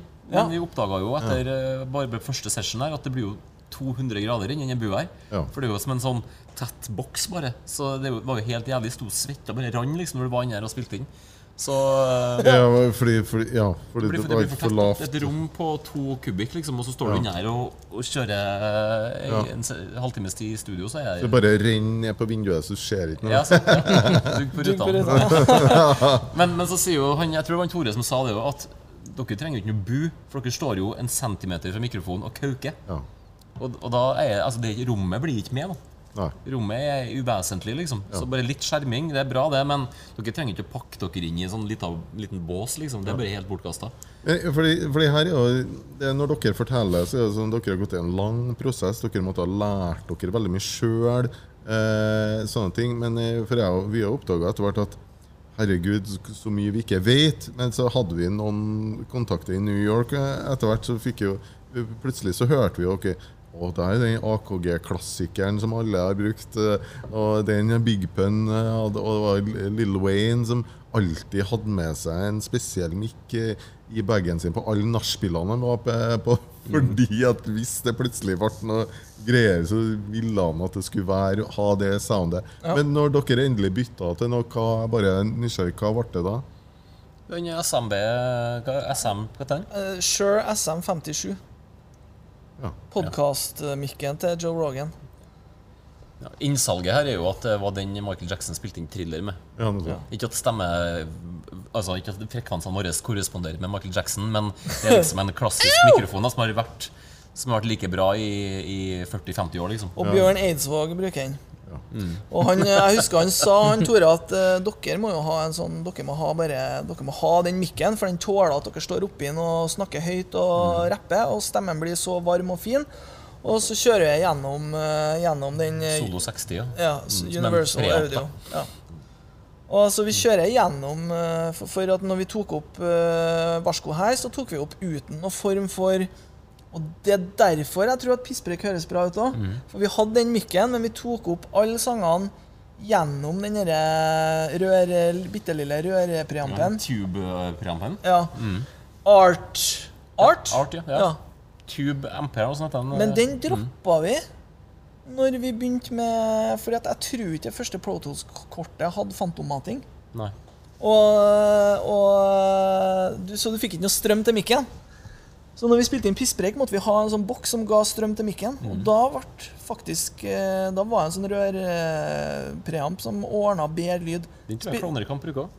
Ja, og når vi spilte inn eh, Varsko her, så droppa vi den, for da hadde vi eh, pluss 48 på, på, på lydkortet. Mm. Men da ble lyden sykt mye dårligere. Mm. Ja. Så nå har vi gått tilbake til den eh, med en enda bedre preamp. da. Ja. Mm. Og en mikrofon som er skapt eh, for oss. Ja, det har vært mye teknisk. Vi snakka om Råne. Hvilke andre låter er de første dere begynner å jobbe mye med opp mot uh, albumet? Det er jo en Altså det var jo Fem flotte øre som var først ut. Mm. Og, og, svaret på B-sida på den singelen. Mm. Men fra, altså fra Pisspreik så er det jo Råne og Tror du det som er de to låtene som uh, måtte ble satsa på da, i forhold til video og, og alt sånt. Uh, Fem flotte år hadde vi jo to musikkvideoer på. Ja. Og uh, det, det, er en sånn rar periode i hiphop der det skulle liksom være en sånn spillefilm. Uh, P. Diddy var stor på det der, ja. og den Ready or Not-videoen til Fugees. Og det er mye sånne videoer i en sånn spesiell periode innenfor hiphop der det skulle være en, en, film. da Det ser ut som en del av en film. ja, film. Midt, bare, du er midt inni en film. Ja, for det, det, det, Hvis du ser på den tidlig 90-talls, så er det bare performance. liksom ja. Hvis du ser på gamle Black Moon og uh, Botan Clan-videoene, så, så står de bare og rapper i kamera, og så er det liksom gritty omgivelser. Men så kom det en sånn greie der det skulle være en film. Og den, den er vi på på Fem flate øre-videoen. Ja. For da er liksom en sånn uh, Åge Aleksandersen har et sånn cameo som en mafiaboss ja. som er ute etter oss. Og han liksom stumper sigaren på sånne mugshots av oss. Og, og så er det sånne maskerte menn som får jage oss mens vi rapper. Og Det er liksom et, det er liksom et, liksom et plott rundt det. da Ja, ja, fordi Åge Aleksandersen er jo musikk-Trøndelags gudfar, så det er passende um, rolle. Ja, og vi, vi liksom laga et slags manus rundt det her, da, og at det skulle være kult. Men så kom The Moment of Truth, da, der vi skulle ha den vist på TV, på ZTV. Ja. Og så bare var jeg Nei, den er for voldelig. For at vi blir jo jaga med balltrær, og vi blir tent på på slutten. Og, og da var det liksom Nei, vi får ikke, får ikke vise den. Ja, var, var, eh, var, det rettferdig dømming av Ja, det var jo det. En så voldelig? Ja, den er jo det. Den er, ja, den er jo voldelig. Den er jo det. Men, det var jo da uh, først vi begynte. Det var jo da vi, vi tenkte Det var derfor vi laga en sånn egen sensurversjon av Råne allerede når vi begynte å mikse den. Ja, ja, ja. For da hadde vi lært den leksa, liksom. Men før det trodde vi jo bare musikkvideo. Her kan vi gjøre hva vi vil. Ja. Og så kom Sæther og sa bare nei, det kan dere ikke. Nei, og, og, det vi gjorde da, var jo at vi brøt oss inn i nabohuset. Der vi, vi bodde jo i Høgskoleparken. Ja. Så brøt vi oss inn i nabohuset, som var kondemnert. Og så spilte vi inn en sånn gritty eh, oppi trynet, oppi kameravideo, bare med masse folk som står og, står og er gal. Og så har vi en sånn et hint av et plott da, der Jan Tore er en sånn gal mann som sitter og klipper i stykker i avis. Og, og jeg tror du sitter bare, bare i bukse. Ja, baris. Jeg tror det er baris, ja. så sitter du og har sånn, sånn, Keys som uh, bare skal se gal ut. Ja. Men nå når jeg ser den videoen i ettertid, så vet ikke jeg hva plottet er engang. Jo, for på for, for, for, for, for, øre-coveret så står det fem flate øre i sånne avisutklipp-bokstaver. Ja. Så du er liksom han gale fyren som sitter og klipper ut de bokstavene og har sånne spasmer og sånn. Slags rød tråd. det var jo generelt en, en, del av Trondheim by hvor det var litt sånn rundt i byggene. Mm. rundt der. ja. Ja. Altså, den fikk vi vist på, på TV. da mm. Så det var liksom første gangen vi hadde en musikkvideo eh, på nasjonal TV. Ja. Og det var en Det var en musikkanal som het Voice òg, på den tida her. Så når du, når du, snakker om The Voice i dag, så tenker mm. du på det der eh, den eh, showet ja. på, på, TV2. eller hva det er Men da var det en egen musikkanal som het Voice. Og de hadde en egne hiphop-show. Jeg tror det var der Madcon var. Der du ble intervjua. Ja, og um, jeg tror ikke jeg var på ZTV, for det var to ja. forskjellige kanaler. i hvert fall okay. ja, Så det var liksom om å få, få, inn videoene på dem. da ja. Og så, i forhold til Tror du det òg altså, vi, uh, vi hadde jo vi hadde egentlig ikke noe sånn mening om hvilken låt som skulle være den første videoen. Så vi hadde jo ikke egentlig bestemt oss for Råne, sånn som jeg kan huske.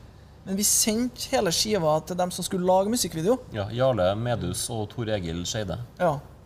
Og dem hørte gjennom skiva. Hvordan møtte vi dem? Hvordan fikk vi kontakt med dem? egentlig? Tor Egil Skeide er trønder. Ja. Så han eh, Men jeg vet ikke helt hva linken er. Nei, jeg vet ikke hva linken kan, kan er. via Student-TV og den gjengen der. Jo, det, jeg tror det er via dem. Ja. Men, men han ringte, husker jeg, og sa at Nei, men, eh, men eh, det, er, det er og tror du det? Det er en av dem vi må ta. Og jeg bare OK. For at jeg tror egentlig vi ville lage av en annen låt. Ja. Og så sendte vi inn CD-en, og så sa han nei. Det, vi kan ikke lage video på det, vi må lage video på Råne. Jeg tror vi ble så overbevist av dem, eller i hvert fall det er det jeg husker, da. Hvem? Eh, Tor Egil Skeide og kan- Jarle. Jarle, at eh, de sa det er og tror du det, som egner seg. Så når vi, la, når vi hadde sånn suksess med, med Råne, og vi skulle i gang med neste video, som vi spilte inn i Trondheim, da flydde de jo, eller de kom oppover, de kjørte oppover, gjorde de. Altså, Råne er jo spilt inn på Stovner-senteret. Ja. Eh, og Stovner-senteret er jo bygd om fullstendig siden 2003, eller 2002. Så at det, den plassen, den parkeringsplassen vi spilte inn i video på, den finnes jo ikke lenger. Så den er jo bare en del av et sånt anlegg, noe parkeringsanlegg. Men, men eh, fordi at de gjorde researchen sin og fant ut at jo, det er mye rånebiler i eh, så mye sånn Volvo 240 og sånn i Trøndelag, men de måtte til Oslo for å finne de ville, superstyla, skikkelige rånebilene. De som har sånn sølvfarga drag, drage-tribals på sidene. det, er- det er sånn miljø da som driver og kjører Oslo-Gardermoen. Og driver og kjører i 300 og sånn eh, på motorveien der. Og det var dem som på en måte stilte opp i den videoen da, med de villeste muskelbilene sine. liksom Og, ja. Mens på Tror du det? Da, kom, da spilte de inn på Blest. Utestedet Blest i Trondheim. Og da kom de oppover med crew og, og full pakke. Og, og den er jo skutt på 16 mm. Så den Ja. er jo skutt på filmrull. da Den er jo skutt på filmrull. Og Det jeg husker godt, var at brukte ikke dem For at det, det var ganske lavbudsjett greie. Sånn at de brukte De hadde samla opp masse sånn filmruller som var siste Ja. biten av filmrullen. Restfilm, eller hva de kaller det. Restfilm ja. fra andre produksjoner. Så det er jo sikkert derfor òg at det er vanskelig å finne en originalrull og Ja, få over noe fra. For at de bare brukte rest, masse restruller. Så de filma i noen minutter, og så Å ja, det var den tom, da må vi bytte. Og, ja. Så de betalte ikke noe for filmen. Nei. Nei, for det er jo det som er dyrt, egentlig. her. Så, men det det er ganske dyre videoer, begge to, egentlig, likevel. Ja. da. Vi betalte ganske mye for at Eller selskapet betalte mye, da. For det er jo plateselskapet som finansierer. Ja, for igjen her så har du liksom Dere klarer å finansiere ting da, fordi dere sparer pengene dere tjener på å spille konserter. Det var en sånn, og en sånn greie, en, en sånn kultur som kom litt med, med deres, eh, deres inntog i, i og, og generasjonen deres, og det med at jeg syns det er inter- interessant der med at eh, i Trondheim så er hiphop en veldig sånn arbeiderklasseting. Og det er en sånn, eh, artig referanse fra Rocky-tegneserien. Så ser du en sånn eh, De prøver å arrangere jam på et utested, og så skal de splitte u, eh, det de tjener i baren. Så er bartenderen dritsur, så han tjener ikke noe penger på ølsalg. Eh, og så går han inn på dassen, og så er det masse ølbokser på dassen. Og det var første gang jeg så med liksom med, eh, deres generasjon, eh, iallfall dem fra Østbyen, da, når det miljøet kom og, og jeg DJ-a, så var det første gangen jeg så en sånn haug med ølbokser. For da, da, da var gamet da Du hadde ikke råd til å kjøpe øl på byen. Du tok med ølbokser i lommene, tømte over i halvlitersglass på dass, og så hadde du penger til å spille inn album. Liksom. ja, jeg husker de klaga på det der. Altså, Kristian hadde jo fast DJ-show på, på Jesper Nattmann, som var kjelleren under Posepilten. Oh, ja. Og der var det jo uh, en gang i uka, eller sånn, tror jeg, hver tirsdag eller et eller annet, så var det liksom hiphop-kveld. Det var Og fire ganger, i hvert fall. Jeg lurer på om det var annenhver uke eller noe sånt. Der, Det kunne, det, Når var det? Det, husker, det kunne ikke vært noe lenge, for det husker ikke Nei, Det var samme perioden som du og Børek hadde på 3B. Og jeg, du spilte jo på, jeg og du spilte jo på 3B òg. Ja. Og vi var jo rundt og DJ-a på, en måte på byen. Men ja. jeg husker jo både dem på 3B og eh, Sveinung Jesper Nattmann klaga på at eh, hiphoperne drikker ikke nok øl, liksom. når, når rockerne er her, da, da drikkes det hardt. Ja. Så kommer hiphop-gjengen, og da er det sånn faen, alle sammen kommer unna med fjern fra før, og de vet ikke hva som skjer, de kjøper ikke øl. Og, og de drar på dassen og røyker og Ja, ja, det var liksom klaging da på at uh, hiphoperne ikke drakk nok øl. Det var mye fra Sveining Sundli på det, og tagging. Han var ikke så glad i Nei, han, hiphoperne. Når det kommer til det på Jesper Nattmann, så ble det liksom Det var Nei, fortsett. Ferdig. Glem det, liksom. Ja. Ja, jeg kan jo forstå ja, ja, som, som utestedeier at det kommer masse folk og ikke drikker og tagger ned dassen. Liksom. Det, det, er jo ikke de beste kundene. Det er jo ikke dem du vil ha, egentlig. Da. Så det, det, er jo forståelig, det. Ja, det men eh, dere klarer da å planlegge det her økonomisk? Fordi det trengs jo mye Eller den gangen, da. Treng, man trengte mye penger. Det var jo oss som var eh, spilt mye på byen òg. Altså, jeg var jo en stund kanskje en av få, i tillegg til dere, som tjente penger på å spille ut. da. Og da, Men alle pengene gikk jo til å kjøpe vinyl. Husker jeg var, Vi var på hiphopfestivalen i Tyskland, og så tok vi toget, tok, toget til Paris. Jeg bodde på et sånt kvisthotell eh, ute i forstadene der. Eh, Handla vinyl i en hel uke og kjøpt sånn billig eh, eh teknisk eh, satt plutselig på hotellrommet med sånn stabler med vinyl. Og måtte kjøpe meg ishockeybager for å ta med på toget hjem. Men alle pengene tjent på DJ-ing gikk til vinyl. Jo, men i dag så kan du bare kjøpe dem på iTunes. Du slipper å ta toget med ishockeybager. Mm. Og som dere sier, det kunne dere som har peiling på den tekniske prosessen Kan en tenåring i dag lage brystpreik på telefonen sin. som dere kanskje Nei, Du må jo ha en viss musikalsk forståelse òg. Det er jo det som er, er, litt fint, kan du si, at, at uansett hva teknologien kommer, så må du fortsatt ha den grunnleggende forståelsen. Altså, når digitale speilreflekskameraer kom, så var jo fotografene stressa først, for at nå kan jo hvem som helst ta bra bilder. Ja. Men så viser det seg at nei, hvem som helst kan ikke ta bra bilder.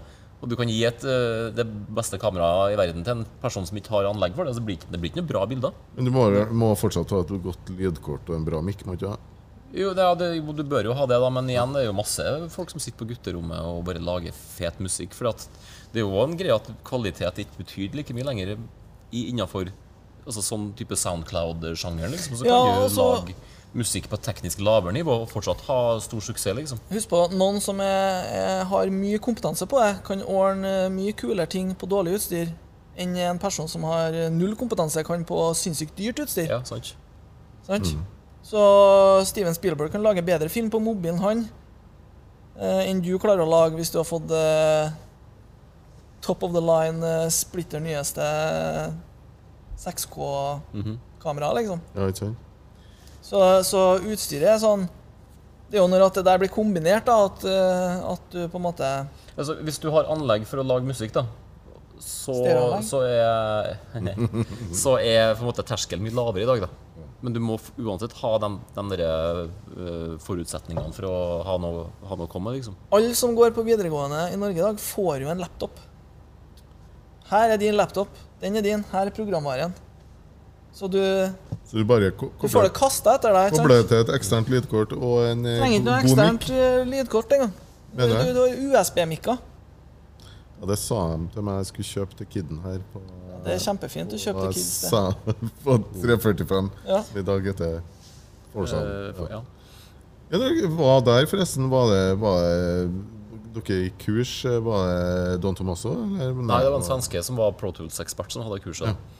Men det var 345 som fasiliterte kurs for kjøperne sine. Vi kjøpte jo en sånn pakke, og da ordna de kurs at alle som hadde kjøpt den pakken, kunne komme på det kurset og lære seg Pro Tools fra scratch. da. Mm. Og den svensken var helt, han var helt enestående, for han sa at uh, mange har sikkert jobba i Pro Tools i mange år, men nå skal vi starte med hvordan man lager et prosjekt. Ja. Sånn Start new project, liksom. Og det var bare og det, mind-blowing altså hele veien. Det var helt helt ny måte å tenke hvordan du setter opp et prosjekt på, hvordan du jobber. Og, og der vi lærte å sette opp i bars, og, ja. og du kunne sitte og nudge og, og, jobbe på en mye mer effektiv måte enn vi gjorde på knotene. Ja. Og så Tore, da. Vi drar jo fortsatt til Tore. Han er jo akkurat den samme. Eh, mm. Altså, du kan fælt på 345 nå, så sitter han her. Ja, hei. Er dere, ja? ja. Så vi vi kjøper utstyr til han ennå, liksom. Ja.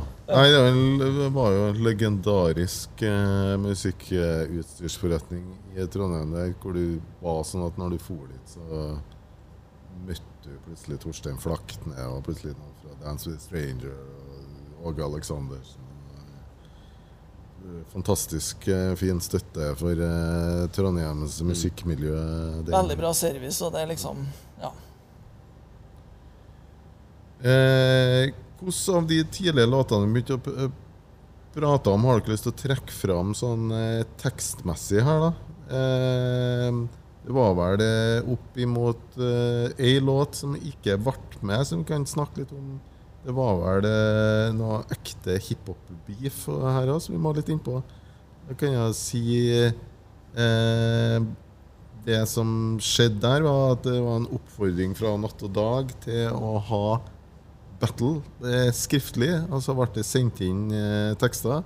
Og så ble det en eh, skulle være artig greie. Det var sånn stafettpinne. Den rapperen eh, disser den, og så tar han og disser litt tilbake og disser til neste. Hvem, altså, hvem var med på dere? Fremmed rase og Warlocks var med. Warlocks. Uh, Apollo uh, Hvem andre var som var Kanskje Det kan godt hende Vinni var med liksom, på tida der. Kanskje Klovner. Det var ja. Ekkises, kanskje. Ja. Det var sikkert første gangen at vi følte at Jeg har det Natt og Dagbladet liggende. Første gangen at vi følte at på en måte Oslo-delen, eller musikkpressa, inviterte oss inn til noe, og at vi kunne vise oss fram. da. Så da satt jo Jeg tror det var du som fikk invitasjonen, Kristian. Og så eh, satt, vi oss, eh, satt vi oss sammen og bare OK, nå må vi må bare gå skikkelig hardt til verks liksom. Mm. på den tida det var mye fokus i pressen på, i, på hiphop. Det var jo flere av oss som har skrevet for Natt og Dag. Deala skrev for Dressa. Og mye, eh, mye som ble skrevet, mye fokus, mye bilder. Eh, hiphop ble dekt ordentlig. Det er ikke så mye av eh, lenger nå. Eh, så vennskapelig battle, men så pga. tekstinnholdet så blir det da ordentlig clinch. Og ja. folk blir sur på hverandre. Og ble ekte hiphop-beef mellom Oslo og Trondheim. Altså, det var jo mye som skjedde på en måte frem og tilbake i, i det forløpet her, men, men, det som på en måte var kanskje det store sjokket, da, jo når, når Apollo gir ut debutalbumet sitt på Universal, ja. så er det en sang der som heter, heter 1-2. Der jeg tror det er halve sangen er bare straight up diss av oss, liksom. Ja. Og det, sånn her, det går på, går på utseende, og det går på prestasjoner, og det går på ting vi har gjort og ting vi har sagt. Og, og bare, Man bare gikk inn for å, for å knuse oss, da. Ja. Og det tålte vi jo ikke. Og, og Apollo da var jo den store satsinga til Oslo og Riks, eh, egentlig. Jeg husker vi var på Bylarm da. Hadde mye folk rundt seg. Var, var skikkelig eh, satsing. Og da sto dere da plutselig fra Trøndelag og hadde eh, beef. Ja, vi, vi, hadde jo møtt han mange ganger, vi er både på St. Croix og på Jams rundt omkring og på 2H og mye forskjellig. Ja. Men nå var det på en måte konflikt. da, Og når det blir gitt ut i, på et album på en major label, da er det, da er det offisielt. Da Da er det liksom offisielt eh, eh brannfakkelen kasta, liksom. Så, og det måtte jo vi svare på. Ja. Og da måtte jo vi jo gi ut det på label, så når vi skulle lage første singel, mm. så var jo var jo Svaret, som vi kalte det, var jo B-sida på en måte på singelen. Ja. Mm. Og det er jo en sånn sju minutter lang eh, Det er bare rap. da Det er ikke noe refreng, det er ikke noe bridge, det er ikke noen ting. liksom Det er bare sju minutter med illsint eh, rap. Og det er sånn på et sånt nivå som bare du, du, du, får det bare til når du er oppriktig sint og er i starten av 20-årene, liksom. Ja, det er det Så. du sitter og venter på, egentlig, som noen 20-åring. Eh, at du, du har sett videoer av, og du har hørt låter der folk går hardt Du har hørt Team Dog liksom, og forskjellige sånne her som handler om å disse ei eller annen gruppe. Og sånn der, og så bare Wow, nå er vi i den situasjonen. Pluss at vi blir genuint irritert òg. For at å ja, du går til angrep mot oss nå. Men vi så det jo sikkert òg som bare en gyllen mulighet til at nå kan vi jo være med på den battle rap-greia. ikke sant? Endelig så har vi muligheten til å gjøre noe sånn her. Så en viktig bestanddel i rap er jo det der at du driver og disser de imaginære fiendene dine. Ja. Og det er jo Mye av rappen vi har skrevet fram til da, handler jo om det at eh, Vi snakker om at folk Sånn som Tror du det, f.eks. Den ja. handler jo om at folk er lam. Men ikke, den handler jo ikke om noen konkrete. Men en artig historie der er at det kom ei rappgruppe til oss uh, når, mm. når, de spilte Trondheim. og var sånn her Øy, dere har laga dysselåt! Og så vi bare Hæ, hvilken låt dere snakker om? liksom? Og så sa de at dere snakker om oss i Tror du det? Og så vi sånn, nei, vi snakker bare om folk som er lam, liksom. Men sorry at dere kjente dere igjen i, i den. da. Så da fikk vi skværa den beefen. da. Ja. Men, eh, men, men, svaret eh, og 1-2 da, er jo på en måte, det er jo en ordentlig biff. Det var jo, den måtte jo Da var vi sinte, da. Ja. Og endelig en ekte fiende, som ikke er en sånn som du har funnet på sjøl når du sitter og skriver tekster, men en faktisk konflikt. Og da, hva skjer med den låta, og, og blir det et produkt av det? Ja, Den ble gitt ut på CD-singel og på vinyl, da. så vi fikk jo med den på når vi ga ut første singelen på major label. så det, ja. Og ingen plateselskaper som da skulle være voksne, da, og sa hva dere driver med nå? Det er rart da, at selskapet på en måte har så lite peiling på, på rapp og hiphop at de bare sier 'kjør på'. Ja. ja det var sånn, Vi husker vi, vi satt jo hjem til han uh, sjefen på Norway og, og visste det der. Uh, og han hørte på svaret og bare 'Å, kult', liksom. Jeg tror ikke han registrerte innholdet engang. Nei, At det er ei sju minutter lang disselåt her, liksom. Han tenkte antagelig at uh, her er sånn, sånn, sånn er det i sjangeren. Hiphop, liksom. ja. Hippeti hopp. Det, for det var folk på selskapet som kunne si f.eks.: dere, burde, dere har pistol på coveret, som jo var en sånn homasj, eller dere har hatt eh, Uzi på Ja, Uzi. Ja, ja. Som jo var bare at vi skulle kopiere, kopiere eh, Onyx-coveret av en eller annen grunn. Og så Eh, men da sa de eh, dere burde kanskje ta heller et, eh, vann, en vannpistol, ikke sant? så at mm. folk ikke misforstår det. Ja, Vi var jo men, faktisk på Jeg husker vi var på lekebutikken. Da. Var mm. du og meg det? Mm. Eller var du og meg? Vi var på lekebutikken for å kjøpe sånn vannpistol. Og så tror jeg vi innså når vi var her, at det her blir jo bare så teit. Ja. Det blir jo helt idiotisk. Det er liksom, vi, bruker, vi må ha ordentlig. Og det går jo litt tilbake på tittelen 'Pisspreik' og dere at det er litt sånn satire og litt Satire, ja. ja det, tar ikke oss sjøl så jævlig høytidelig, så vi ville lage en eh, spoof på det. Men, men på, coveret, på, svaret, da, ja. der er vi oppriktig sinte. Og det er ekte. da Det er den mest ekte sangen vi har skrevet noen ja. gang. Ja, vi gjør oss ferdig med det først, og så går vi tilbake til coveret etterpå. For da er vi for dager sint, eh, og dere da gir ut det på CD-singelen. Altså, blir det blir det noe mer reaksjon på, på wax, som man sier? Blir det noe svar Nei. der? Nei, altså det endte jo med at det bare koker opp bort til ingenting. da, Og så skværa vi jo opp etter en stund. Og så ble vi jo, ble vi jo venner igjen. Vi spilte jo sammen på Det var jo en sånn Adressa konstruert en sånn event. Det var noen sånn Ut-awards eller noe sånt der, og så spilte vi Eller så var Apollo som spilte, og så kom vi ut på scenen, og så skulle liksom folk tro at og, nå ble I Trondheim? I Trondheim, ja. På Samfunnet. Ja. Når var det? Ja, det var året etter, sikkert. da ja. Året etter? Noen, er, noen år etter. Noen år etter? Ja, okay, Nei, for det, det der var, det var lenge etter, nei. nei, nei, men det noen var bare tent i noen, noen år, det der. Også. Så men, jeg var på konsert i Oslo og ble approacha av folk og var veldig dårlig stemning. Det var en god stund etter der. Ja, okay. Så det er noen år etter, ja. ja. Mm. ja. Når vi hadde det ganske godt på ja, avstand. Ja, det måtte ha vært et par år, fordi at jeg var jo jeg var jo da eh, arrangør og var veldig close og var buddies med de fleste i Oslo. Jeg havna på en måte eh, i en slags klinsj i midten. Jeg følte jo på at der ble jeg litt svett. Og, og måtte bare si at nei, jeg velger ikke noe side, side her. Men, eh, og, men det tar et par år, og så møtes dere og skværer opp, og så eh, blir dere buddies igjen. Eh, men før vi går bort fra det her, kan vi si noe om hiphop og, eh, og beef? Eh, fordi at eh, Jeg syns det er litt viktig å si at eh, at OK, eh, battles i en hiphop-setting historisk skulle jo være noe som man gjør for å og egentlig for ikke å ha uh, alvorlig mm. konflikt. Var jo Breakdansen ble, på en måte, ble jo utvikla som en, ut fra en idé, iallfall uh, uprockinga og, og sånn tidlig, altså før pre-breakdance, var laga for et alternativ til Apache Line og Springkniven, liksom. Eh, sånn at battles eh, i en hiphop-setting er jo noe som alltid har vært en positiv greie. Mm. Eh, der du har liksom eh, Du konkurrerer, og du simulerer eh, at ting skjer, da. Men ja. når det blir ordentlig krangel og beef, så er det egentlig ikke noe artig. Nei. Nei.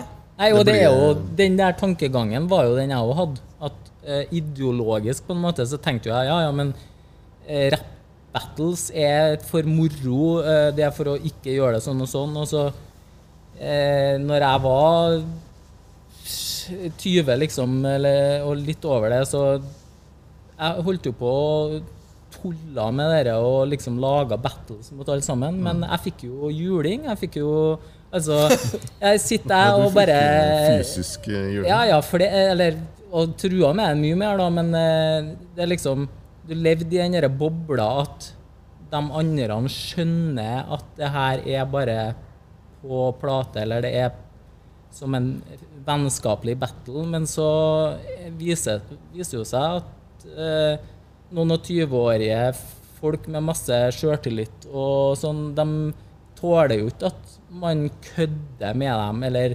eh, en på en konsert sier sånn eh, En spesifikk hendelse, og den har jeg snakka med han om i ettertid òg, det er jo Jørgen. på en konsert under den tida her, så av en eller annen grunn så tenkte jeg at For vi holdt på å kødde og battle og eh, sa stygge ting om hverandre. Så da tenkte jeg, ja, Vi holdt jo på masse når vi freestyla. Ja, ja. var jo alltid å disse hverandre. Så på en konsert da, så ser jeg liksom dem i publikum, og så tenkte jeg da, da må jeg gi dem en shout-out. Men siden jeg var ung og dum, da, så tenkte jeg det kuleste måten å gi en shout-out er jo å disse dem når de mm. står publikum. ikke sant? Mm. Og så da ble det jo beef da òg, ikke sant? For at, eh, jeg skjønte ikke at Å ja, de, de har ikke konteksten at vi eh, At jeg sier det vennskapelig. Ja. Så møtte jeg han senere på eh, nachspiel, og så var det ingen av oss som snakka med hverandre, og det var dårlig stemning, liksom. Eh, vi har jo skværa opp i ettertid, men det tok jo mange år, det, liksom. Så det er liksom litt sånn eh, Ja. Nei, det er jo, det er jo klart uh, Uavhengig av den beefen dere hadde med Apollo, så har det jo, har det jo vært mye mørkere ting. Og um, jeg husker jo jeg har vært, hatt et par beefs som har, har, vært så store at det har prega for mye av livet mitt. Mm. Og jeg husker jo sjøl at da Gatas Parlament eh, gjorde en remix av den der 50 Cent-låta, hvor han disser alle. Mm. Så gjør de en sånn vennskapelig greie òg, hvor, hvor, de eh, disser hele Hiphop-Norge. Eh, men fordi jeg hadde erfaring med ekte beef, da, så, så, husker jeg første gang jeg hørte den, så var det bare sånn Selv om gata er buddies, liksom. Ja. Uh, og uh, så, så uh, det er jo, det er jo og, og enkelte har jo blitt skada, kunne ha blitt alvorlig. Du var jo ute for ting som var, kunne ha blitt alvorlig skada. Ja. Liksom. Så vi som voksne mennesker så kan vi vel konkludere med å si at når alvoret tar av, så er ikke det noe det er ikke noe som trenger å være en del av kulturen. og det fins ikke noe Jeg reagerer litt sånn som når folk som er begynner å nærme seg 60, eh, sitter og sier at eh, det artigste de vet, er hiphop-if. Da må du vite hva du snakker om, og, ja. og forskjell, eh, forskjellen på det er artig på avstand, og lenge så hadde jeg på avstand og bare så andre som hører på battle, men vi visste ikke hele bakgrunnshistorien og hva som skjedde utenom det som skjedde på mikken. ikke sant? Sånn at, uh, og det fikk jo jeg smertelig erfare da, uh, med å være frekk i kjeften over mange år. Og så begynner jeg å dra til Oslo og eh, henge med folk der, og sånn, og så er det veldig dårlig stemning, liksom. Ja. På grunn av bare ting som jeg har sagt for mange, mange år siden. Det er artig også å utfordre òg, da. Altså, altså, sånn mm. Definit for eksempel, var jo kjent for å være en av de beste freestylerne i en periode. Og, og, hver gang du fikk sjansen, da, så var det jo opp på scenen og utfordre han og battle han og disse han og på en måte bare, bare prov provosere fram en battle. liksom, For at altså, battling var så sentralt, sånn som det Notodden-jammet vi spilte på. Ja. Så det var jo store deler av hiphop-miljøet i Oslo var med på det jammet, og vi var her. og på hotellet etter jammet var ferdig, så satt alle på hotellet i restauranten der og battla i timevis, liksom. Jeg har jo en tolvåring som er breaker, og der er det jo kulturen battle, eh, som vi snakker om. Og han bli invitert av treneren sin til å battle noen jevnaldrende tolvåringer fra Oslo som kommer på besøk. Og da er jo det en sånn eh, vennskapelig greie. Altså, jeg synes For, for ung, dagens ungdom som hører på, så at de skal vite at battle-kulturen, det med å utfordre hverandre, er sport i hiphopen. Det er hiphopens fotballkamp. Og, men når det er beef, så er det noe annet. Og det er jo en del av Det har jo blitt en del av kulturen, men på det negative. Det er ikke en del av det som er den ekte kulturen. Fordi den sports, sportslige delen med battle i hiphop ble jo laga av hiphopens gudfedre fra New York på 70-tallet nettopp for å avslutte den voldsbølgen og spiralen som var i 70-tallet. Jeg syns det, det, er greit å være så gammeldags at vi, vi forteller om det. Ja, vi var jo på Buranhus og laga en piece en gang i tida. Ja. Uh, skrev Alien svært på den veggen her, for det var jo en lovlig vegg. Og de som hørte i den bydelen Vi hørte jo ikke i den bydelen. Ja. De som hørte der, de sto jo og kikka på. Ja. Sa ingenting. Bare observerte at vi laga pisen. Og så dro vi. Kom tilbake dagen etter for å ta bilde i dagslyset. Alt var ødelagt. så da hadde de gått over den allerede første natt, liksom. Og da var det sånn her Get the fuck out, liksom. Dere skal ikke være her. Så, men de, hadde liksom, de fulgte spillereglene. da For de kunne ha vært idioter mens vi sto her og laga den, eller sagt noe, eller, eller vært på en måte vist at de var provosert. da Men ja. de bare fulgte boka på en måte da og bare lina pisen og ødela den eh, etterpå. Ja, Så det er litt sånn, ja, OK, ja, greit. Da, da, skjønner, vi, da skjønner vi poenget. Vi skal ikke drive og lage piser på burene. Ja. ja, bare at de laga også piser etterpå over der, og så kom vi og laga en over der igjen. Så, ja, det pågikk jo en stund, ja. ja stemmer det. Ja. Men det var jo vennskapelig ja, det var innafor, innenfor den konvensjonen ja. som er i, i en graff-battle. Ja. At man på en måte bruker uh, de reglene som finnes der òg. Jeg har lyst bare å avslutte med å si at uh, til dagens ungdom at uh, vi holder unna, det er ikke noe positivt. Starte, prøve å avslutte. Og iallfall det verste du kan gjøre, ikke prøve å ta på deg og blande deg inn i arv noen andre sin sin by, for du vet aldri hva det handler om, hvor, hva utgangspunktet er. Jeg har lyst til å kommentere. Altså, jeg husker jo når at uh, det liksom, de begynte å ta kontakt for å se om vi ikke ville skvære opp med Apollo. Mm. Og jeg husker jo det var jo sånn, litt sånn lettelse, egentlig. Mm. At det var sånn OK, ja, det, nå er vi ferdig med det her, liksom. For det, begynner, det blir så dumt til slutt, ikke sant? Mm. Og det var jo flere, i, flere ganger det var beef i liksom, Trondheims-miljøet uh, òg. Og alltid når det ble liksom oppskværing og, og, sånn, så var jo Det føltes jo bra, ikke sant? Ja, ja. Ville liksom ikke Det var sånn OK, nå er vi ferdig med den, liksom. Så var det handshake, og så var jeg Så egentlig så har man jo akkurat samme interessene. Og, ja. og har jo veldig lyst til å Man er jo match, ikke sant? Ja, jeg vil si det altså, som voksne at vi, det, det, vi som er Fordi dagens ungdom vet, vet hiphop-historien, vet at vi har vært oppe i beef, og så kan vi si at alle, alle vårt fokus har alltid vært å komme oss ut av det. Ja. Og få skvære opp.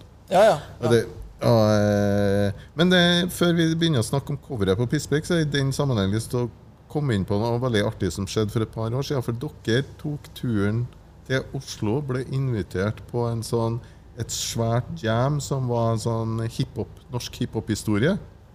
Eh, hvordan var det? For der var det mye artige folk. Der var det Masse folk fra tidlig 80-tall og mm. Altså, det, det, var jo eh, Norwegian Hood var jo et arrangement som het, som gikk på tidlig 2000-tallet. Ja. Det var på Rockefeller i Oslo. Og Jeg vet ikke hvor mange år det var, men det var tre-fire ganger, kanskje. Og så gikk det var pause på kanskje ti år, og så var det liksom en sånn reunion. da, Norwegian Hood Reunion på Rockefeller. Og det var et stappfullt Rockefeller. og det var...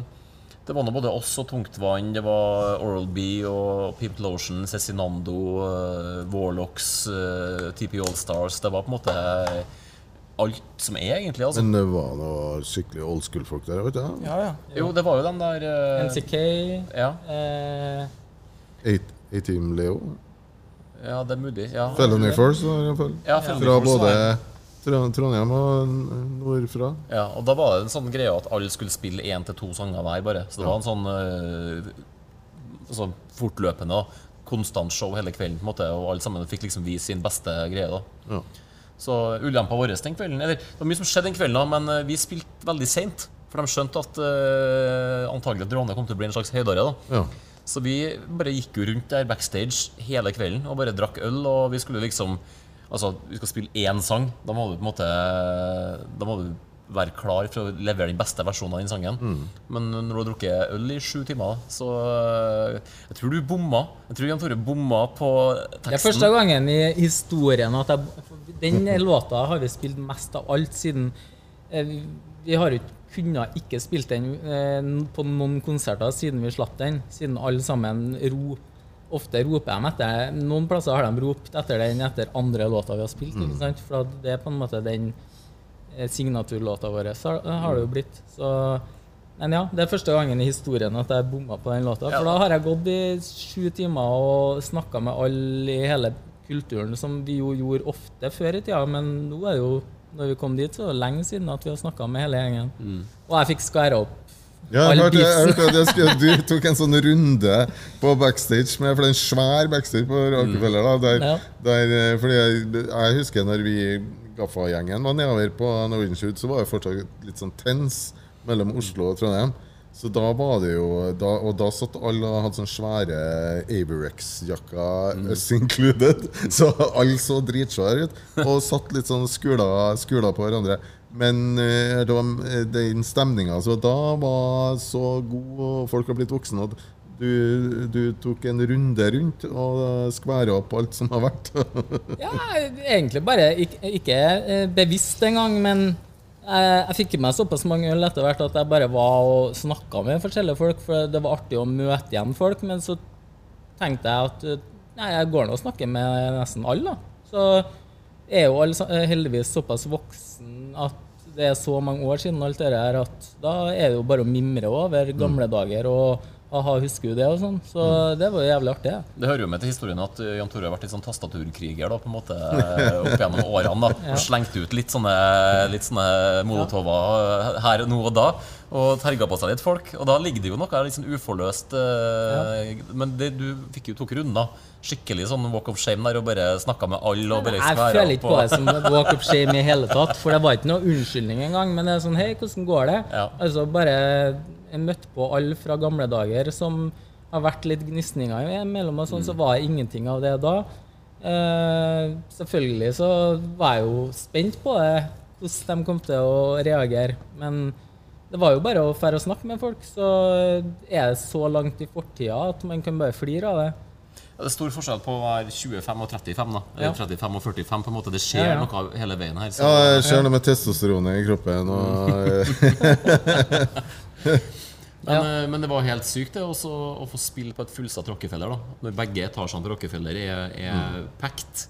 Og, men altså, det gikk som det måtte gå. da Eh, Jeg gikk rett inn i en sånn monolog som, eh, der liksom rullegardina går ned, og så bare bare for å fyre opp stemninga og sånn, og bare prata i fire minutter. Og sånn, brukte opp egentlig hele konserttida på en sånn, eh, på en sånn, to, sånn tale som jeg ikke husker noe av.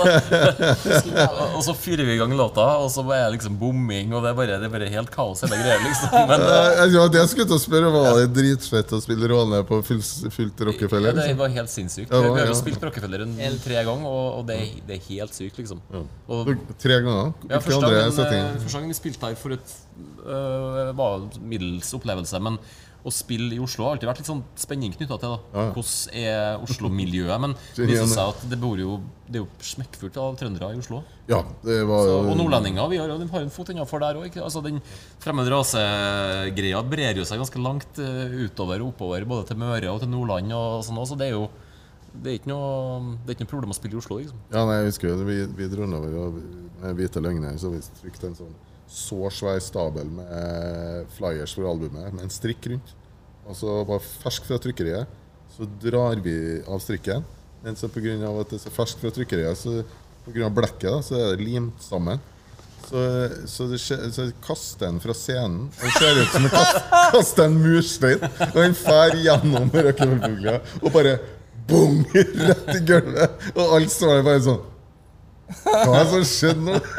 Men det var, det var drithyggelig. Og etterpå eh, så vi artig med på nachspiel, og så plutselig var det bare en skokk med trøndere som bor i mm. eksil. liksom, Så drithyggelig. Uh, men da ja, råner Råne er på fest der. Eh, stor fest, feirer norsk hiphop-historie.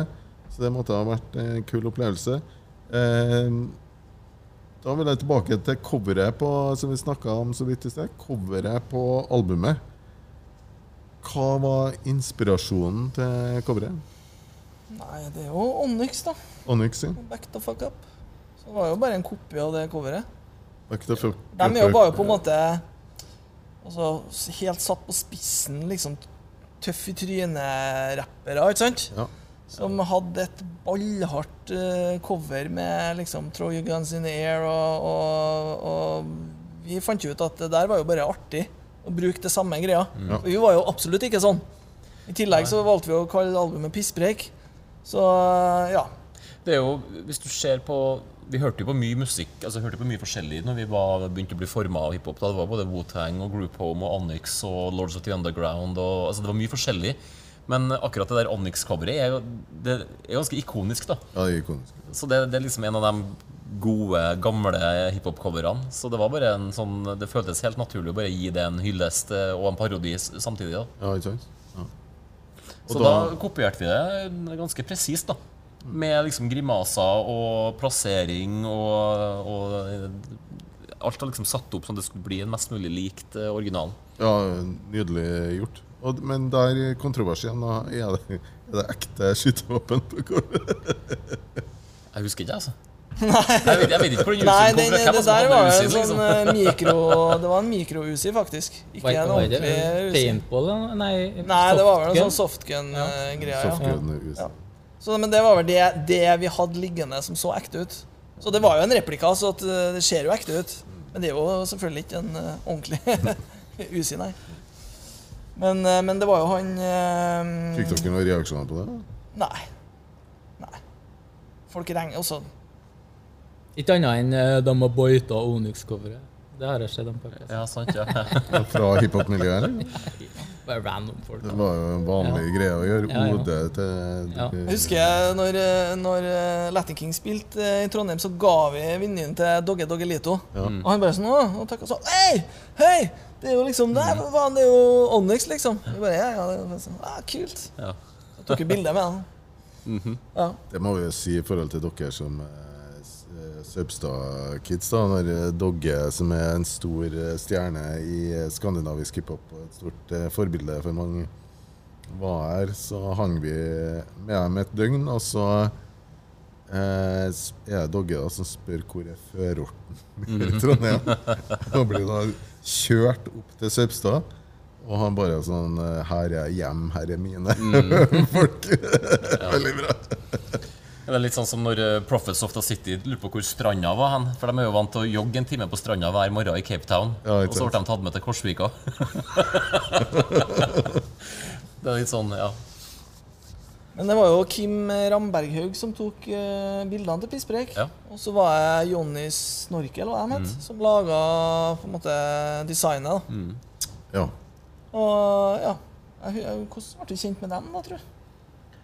De sånn, kjente jo, kjente jo fra før òg. Ja. Kim tok jo bildene på Tunge unge H og er jo på en måte en fotograf som har vært liksom, innom hiphop-miljøet hele veien. Så det var naturlig at det var han som tok bildene. Kim er kjent kunstfotograf fra Trondheim som var skater og fotograf som hang på jams helt fra 98 av og mm. tok bilder av dokumentert, dokumentert mye av trøndersk hiphop-historie med mm. kameraet sitt. Jeg husker jeg, når vi var inne i studiet her, Det tror jeg var første gangen jeg var inne i et fotostudio og så, så altså observert liksom, når folk hadde digital spinnrefleks. spillrefleks. For det var ikke liksom uh, Det var ikke vanlig, Det var ikke vanlig. Så det var digitalt kamera, liksom, og det var bare sånn wow. Ja. Og Jonny Snorkel var jo flere, men det var bl.a. Stig Roar som hadde uh, baren ute i hagen på Svartlammen og sånn. Så da kjente vi jo via Altså både via Han jobba jo i terapi når vi var på Buranhus med konsept. Ja, vi, det var kulturhus han, hvor vi satt og holdt på med hiphop, og de satt i en annen etasje og laga forløperen til det som skulle bli Natt og Dag Trondheim. Ja, for det var jo Stian Vallum og Gaute Busch og, og, Stig Roar. De satt jo ned i, i kjelleren her og laga avis, og det ble jo Natt og Dag etter hvert. Mm. Så det er jo det som er linken inn til Janni Snorkel, ser jeg for meg. Og da får dere hjelp på eh, design og looken av dem. De har da laga seg et eget uh, firma der. Vi satt uh, på burene der. Vi skrev noen artikler for det bladet og, og, Natt og Dag etter hvert. Mm. På, gjorde du òg det? Ja, ja, ja, ja, ja. det. Så, så, det var Men vi kopierte jo det coveret på nytt. Vi, vi har jo kopiert det to ganger. da så vi har jo, når vi ga ut Varsko her, ja. så istedenfor å lage en ny, unik idé, så tok vi bare Pisspreik-coveret og gjorde det en gang til, bare med nye kostymer. Oh, ja. Så vi har, men da er vi, da er vi tømmerhoggere isteden. Ja, ja, selvfølgelig. Ja, så der sånn. har vi samme mm. plasseringa på coveret. Og nå når vi ga ut uh, singel i uh, fjor høst, så gjorde vi det en gang til. så vi har bare null kreativitet. liksom Vi bare kjører samme kommer i 20 år. da uh, Jeg endre, jeg gjorde det samme med Run DMC. Ja, ja. Det, det var på den tida du har de her artige Rocky Rocky-tegneseriene Sverige med de coverne. Mm. Ja, ja. Men jeg husker når den CD-en eh, kom tilbake fra trykkeriet, Pisspreik, så var det en sånn feil de hadde gjort ja. på trykken på selve CD-en. CD-en var oransje, og så var det fremdrase-taggen, på en måte. Pisen, eller hva vi skal kalle det. Mm. Som var på toppen her. Og da var det noe sånn piksleringsgreier. De hadde ikke klippet den ut riktig, så det var sånn svarte sånn trace, sånn litt sånn prikker rundt uh, greia. Mm. Så det var sånn Altså, vi har, vi har jo sittet og snakka om det mange ganger, at vi har aldri klart å lage et cover uten som, som, som, er liksom 100% fritt for liksom design-feilgrep. da. Mm. Ja. Ja, på, ja, på Varsko her-coveret også er det en sånn grønntone som har sneket seg inn i, i designet på innsida her. Som ikke skal, skal, ikke være der. liksom. Det skal være svart. Det skal være helt svart, og så har det blitt uh, mørkegrønt. på en måte. Så det... Ja. Det må jo nevnes at jeg som ikke er like teknisk interessert eller som fotointeressert som dem, eller designinteressert, jeg har jo ikke fått med meg noe av det her. Så folk flest har jo heller ikke fått med seg de designfeilene her. Nei, altså, man bruker jo uforskamma mye tid. Da, sånn som det kassettcoveret vi satt og designa i fjor nå. Hvis vi begynner å telle timene vi satt og, og, og liksom nudga piksler og, og ordna, da så, så det, det, henger ikke på greip i det hele tatt. Men det er nesten sånn at når du får det tilbake og trygt, så vil du egentlig ikke se det. For du vil ikke få bekrefta at det er en feil på det. liksom. Men det var jo det. Eller det var ikke det, men det var, det var to det, ja. ja, det er en liten en der. Det er en liten en der, ja. Det var bare sånn åh! Skal vi aldri Vi klarer ikke. Nei.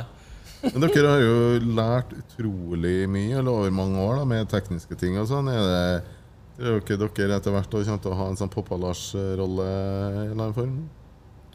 Eh, personlig kan jeg ikke se for meg det, nei. Du har, jo, du har jo litt jobbsammenheng, du. Ja, ja, jo, altså Jeg er jo lærer på media og kommunikasjon. Frode er jo art director. Ja, vi, vi jobber jo med ting vi, vi liker å holde på med. Ja. Men eh, når du sier å ha en slags sånn eh, der, der de unge rapperne i Trondheim eh, kommer til meg for å mikse noe musikk og sånn det tror jeg aldri kommer til å skje, og det gidder ikke jeg heller. det har det jo på en måte vært. da. Du har vært, dere gjorde det. Han har vært læreren deres, liksom. ja, Boon Boys eh, var jo elever til meg. Og, ja, P-Flow, ja, eh, Wonder the Boy, ja, all. Fori. Alle all som har gjort seg bemerka innenfor trøndersk rapp de siste fem årene, ja. har vært elever av han på et tidspunkt. Ikke at det nødvendigvis har noe med fremmed rase å gjøre, eller noe sånt, men de har vært innom uh, Capabels School of Hip-Hop. nei, nei. Men, uh, men, de har jo på en måte kommentert liksom, ja, en rase. Og ja, så har jeg jo, vi har jo sånn forskjellig lydstudio på skolen, og, og, og, det er jo de elevene som holder på akkurat sånn som vi holdt på når vi gikk på skolen. Ja, ja. At du satt igjen etter skolen og satt inn i studioet og holdt på å lage musikk og var interessert. da. Det er jo da først at det tennes gnist. ikke sant? Og det var jo, det var jo en standardgreie det i lunsjen at jeg var innom der, og så bare Å ja, det er dere som sitter her igjen, liksom. Ja, blir det musikk nå, gutta? Skal du se på det historisk, da, så er det ganske sjukt, egentlig, for at den skolen han jobber på nå, der alle rappgruppene kommer fra, det er jo den skolen vi gikk på. Og der gikk jo også Gods og Shitrich. På, på Ringve. Ja, det, og meg. Ja, du gikk der, du òg? Ja, sant? Ja, det, og det, det jeg skulle til å si at det som er artig, er at og og Mikkel Eriksen i Stargate. Ja. Altså både eh, dere to, meg og Mikkel Eriksen, har jo hatt samme medielærer til og med på. Ja, og en veldig sånn betydelig andel av det miljøet, rockemiljøet rundt Uffa og Svartlamoen gikk jo også der. Ja, det kan vi si at Ringve var den skolen hvor alle, eh, som er kalt på 80-tallet, alle frikerne eh, ville til.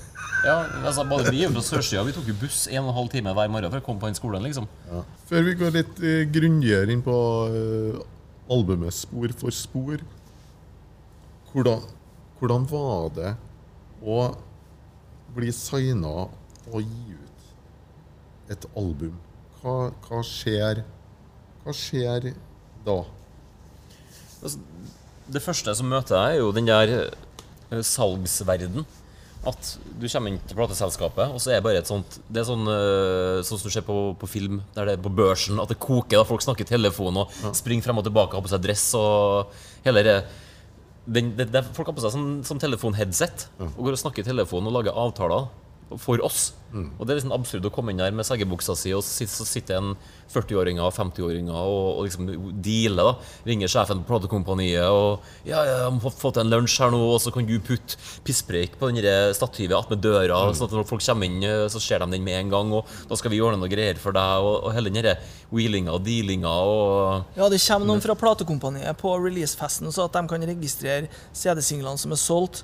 Eh, så jeg ble offisielt eh, registrert, så du kan komme inn på den i den lista og sånn. Ja, ja, God, jeg blir svitt bare å høre på det. Ja, altså det her er dritflinke folk da som jobber med det her hver dag. liksom Og De ja. handler jo både Åge og DDI og mye forskjellig. Og de bare kjørte hele den businessgreia. Og så ble vi jo kjent med distributøren, som også var inne der. For at selskapet skal jo ha en cut, og så skal på en måte distributøren ha en cut, og så skal butikken ha sitt. på en måte Så vi fikk jo veldig sånn innblikk i hele bransjen og hvordan den fungerer, og hvem som får hvor mye, og hvordan er det her er lina opp, og, og, hvor er platene våre hen, liksom, hvor ligger de hen, hvor ble de sendt ut hen, hvordan, hvordan funker det her? liksom. Hva het han distributøren, ja? Terje? Hva Terje? Ja, ja, ja. Så For det her er det da trøndersk musikkbransje som har gjort alt fra The Kids That Dance With a Stranger, Åge Aleksandersen, Terje Tysland eh, og eh, Kasinostil og alle de store trønderske ja. DDE, alle de store trønderske navnene. Og så er, skal de her da jobbe med dere. Ja, de, skal, de gjør jo jobben med å liksom selge inn oss til som å være liksom det nye, hotte, store, unge bandet. Og, og fikk oss inn på TV2, fikk oss inn på NRK, fikk oss med på forskjellige program. og og vi, jo vi fikk jo ikke noe medietrening, på en måte. Så, så den, den, det er jo helt krise, det intervjuet jeg gjorde på TV 2. Da, men da ble vi flydd nedover ens ærend for å være med på det etter skoletidsshowet som Gaute Grøtta Grav hadde. Ja. Og, og, vi sitter, og vi er så jævlig kule. Vi sitter i sofaen og er litt sånn ser litt sånn brysk og brydd ut. da ja. Og så prøver han å være litt sånn artig sånn eh, etter skoletid. Ja, ja. Uh, og prøver å dra i gang litt battling og litt rapping. Og så er vi sånn Vi bare, vi bare gjør en dårlig figur, da. Og det er liksom første opptreden på, på riksdekkende TV, og så bare er det dritkleint. Ja, ja, du syns det er rett etterpå da? Eller, ja. Men hvis du ser på det nå i dag, er ikke, det ikke, ikke noen unge rapp gutter med akkurat så mye testosteron du skal ha? Nei, ikke, nei, det, nei skjærer seg? Ja, det var ikke noe kult, altså. Bare, okay. Nei, Vi bare fremstår som, som kjipe idioter, liksom. Vi, vi, vi, vi, prøvde å være kule, på en måte. Vi klarte ikke å slappe av, tror jeg, på, i settingen der. det, nei, det var bare lysene på oss, og så greide ikke vi å slappe av, egentlig. Det ikke, vi var ikke komfortable, for vi har aldri vært i den settingen, liksom. Nei. Vi var jo på altså, en av største tingene vi har gjort faktisk i publikumsstørrelse, er jo Tore på sporet. For Tore på sporet var jo det største programmet på norsk TV i mange år. Ja, Skulle ikke spille, da? Det er jo konsert. Ja, for at vi var jo med på ei låt med Åge Aleksandersen på albumet ja. Linedans. Og den sesongen med Tore på sporet, der kjørte de Åge debutert på en måte. Han, altså, han hadde premiere på én ny Åge-låt fra det albumet på hver episode av, av Tore på sporet. Ja. Og vi er med på den ene. Så den ene episoden her da, så fikk vi være med inn uh, på greia. For dere er faktisk med på en av Åge Aleksandersen sine låter på hans album? Ja. 'Linedans' heter albumet. Ja. Og uh, der er vi, med, er vi med på en låt. Det er Åge som har skrevet tekstene. da så han ville ha noen som, eh, som rappa det. Og så hadde han sett oss live, og så ble han kontakta oss. da Vi kan jo bare liten kommentar. da Det har jo nettopp vet ikke om dere har fått med dere nettopp vært en stor debatt i Nidaros med den andre store avisa i Trondheim om at uh, en, uh, om at uh, trøndersk Altså trønderrock er så fælt, men vi elsker jo Åge og trønderrock. ja. Altså, vi har jo vært med Åge på flere anledninger, både å spille på Stereofestivalen og, og forskjellige konserter og forskjellige begivenheter. Men Tore på sporet, han lå på mellom 1 million og 1,3 millioner seere.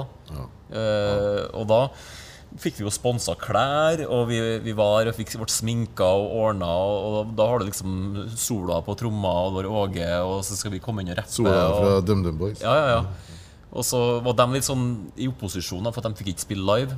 Og så fikk de beskjed fra produsenten på NRK at det, er sånn, det her er live NRK. Det er ingen som spiller live. Altså, det her er, det er bare å glemme. Så de måtte, måtte spille etter playback og hata det, og så måtte vi rappe etter playback. Og det var litt sånn uh... Men der, der gjorde vi en jævlig god figur. Ja. Så for at uh, det var liksom det var, Der skulle vi bare rappe og vifte med hendene, og da var vi liksom i vår uh, S, kan du si. Ja. Så mm. der ja, så funka kjempebra. Ja, ja, det ja, jeg tror det var Sola som sa dere må bare rappe sånn som dere ville ha gjort det. Selv om det er playback, drit i det playback. Bare kjør tekstene deres sånn som dere ville ha gjort det, for da ser det dritbra ut, liksom. Ja, for jeg husker at jeg syntes det var så artig, for farsan gjennom hele opp oppveksten min har sittet og irritert seg over playback på TV.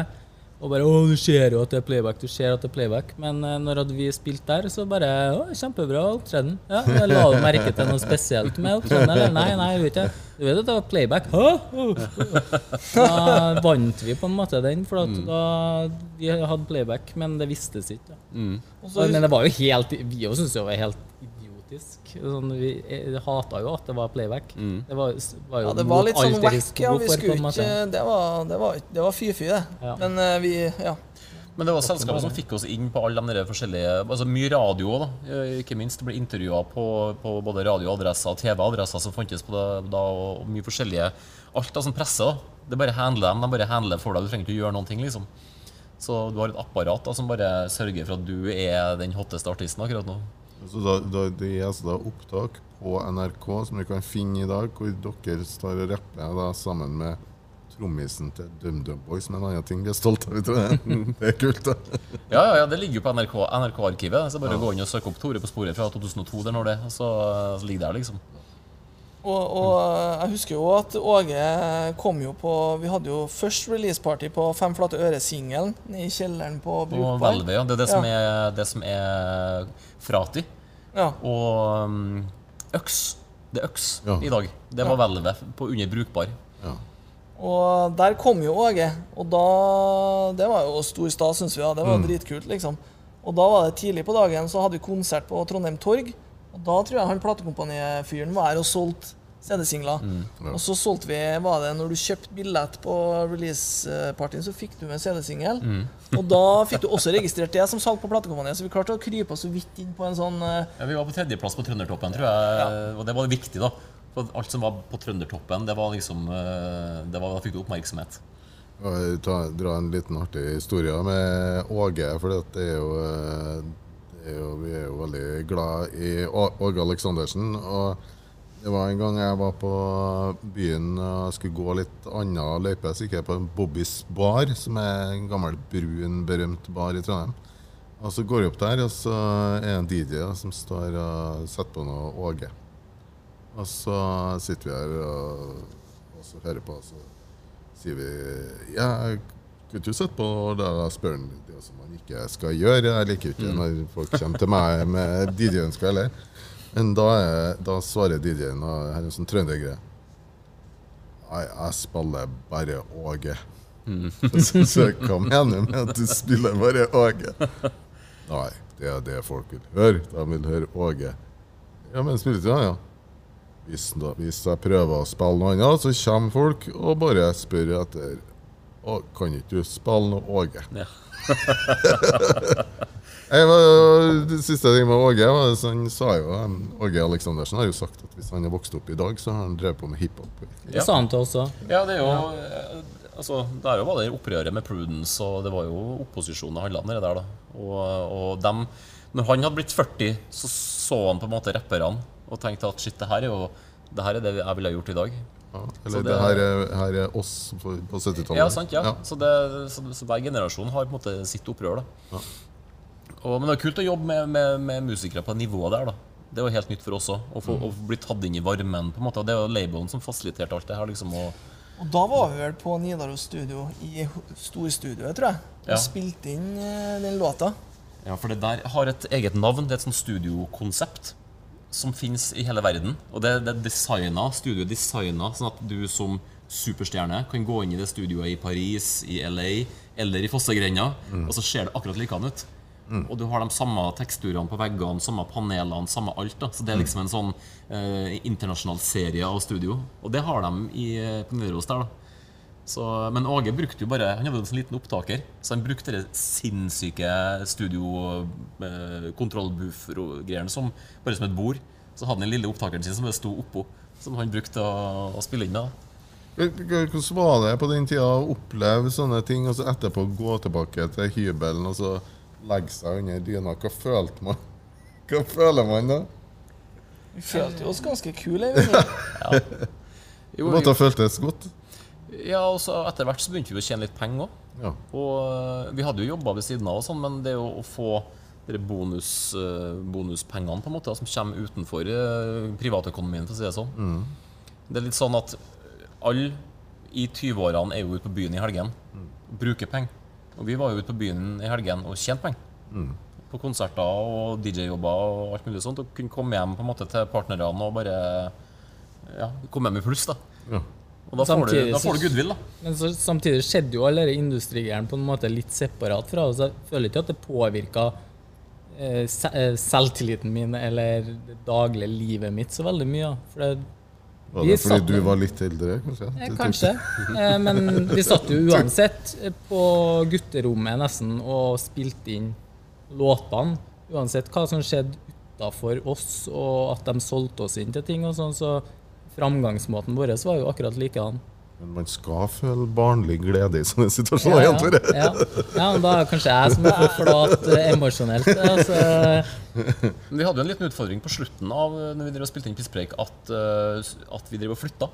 Jeg flytta jo, og da, måte, da forsvant jo studioet fra hjem til meg. Og da var det jo hjem til deg en periode. Men først var det innom deg, for far din hadde flytta til Oslo. Ja. Og da sto huset hans tomt, og da ble det så vi flytta studioet dit. Så noen låter spilte inn der, og så vi for, liksom ambulert litt rundt omkring. Var det på, tilbake ved rekkehuset på Søpstad? Altså? Nei, Huseby, da. Huseby, ja. Mm. ja. ja. Og på andre sida av veien. Ja. Ikke Kolstad og Søbstad. Men ja, så tror du det ble spilt inn der, ja.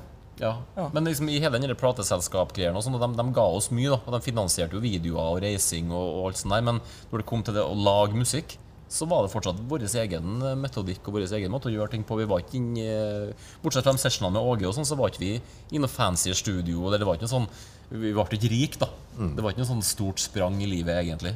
Vi bare fortsatte i den samme stimen som vi holdt på, og spilte konserter og laga musikk på akkurat samme måten. Bare at, bare at nå var det på en måte et støtteapparat rundt som, eh, som ordna ting. da. Mm. Hvor lenge varte det der, egentlig? Jeg er dårlig på timelines, men hvor lenge var vi egentlig på Nei, Vi var der i et par uh, år, da. Mm. Men, uh, men, det er jo som Hvilke år snakker vi om? Nei, Fra 2003 til 2005, kanskje. Ja. Men det er jo som du har snakka om, at platebransjen, platebransjen stupte jo. Ja. Så, så spillereglene endra seg på ganske kort tid her. Ja, Allerede når vi skulle gi ut Varsko her, så var det jo ikke noe plateselskap i Trondheim. Nei, det var jo ingen. Da var alle blitt kjøpt opp eller lagt ned eller altså bare oppløst. da. Så, så Varsko her ga vi jo ut på egen hånd. Da laga vi jo eget plateselskap. Da måtte vi dra til banken og så si til dem at uh, vi trenger 50 000.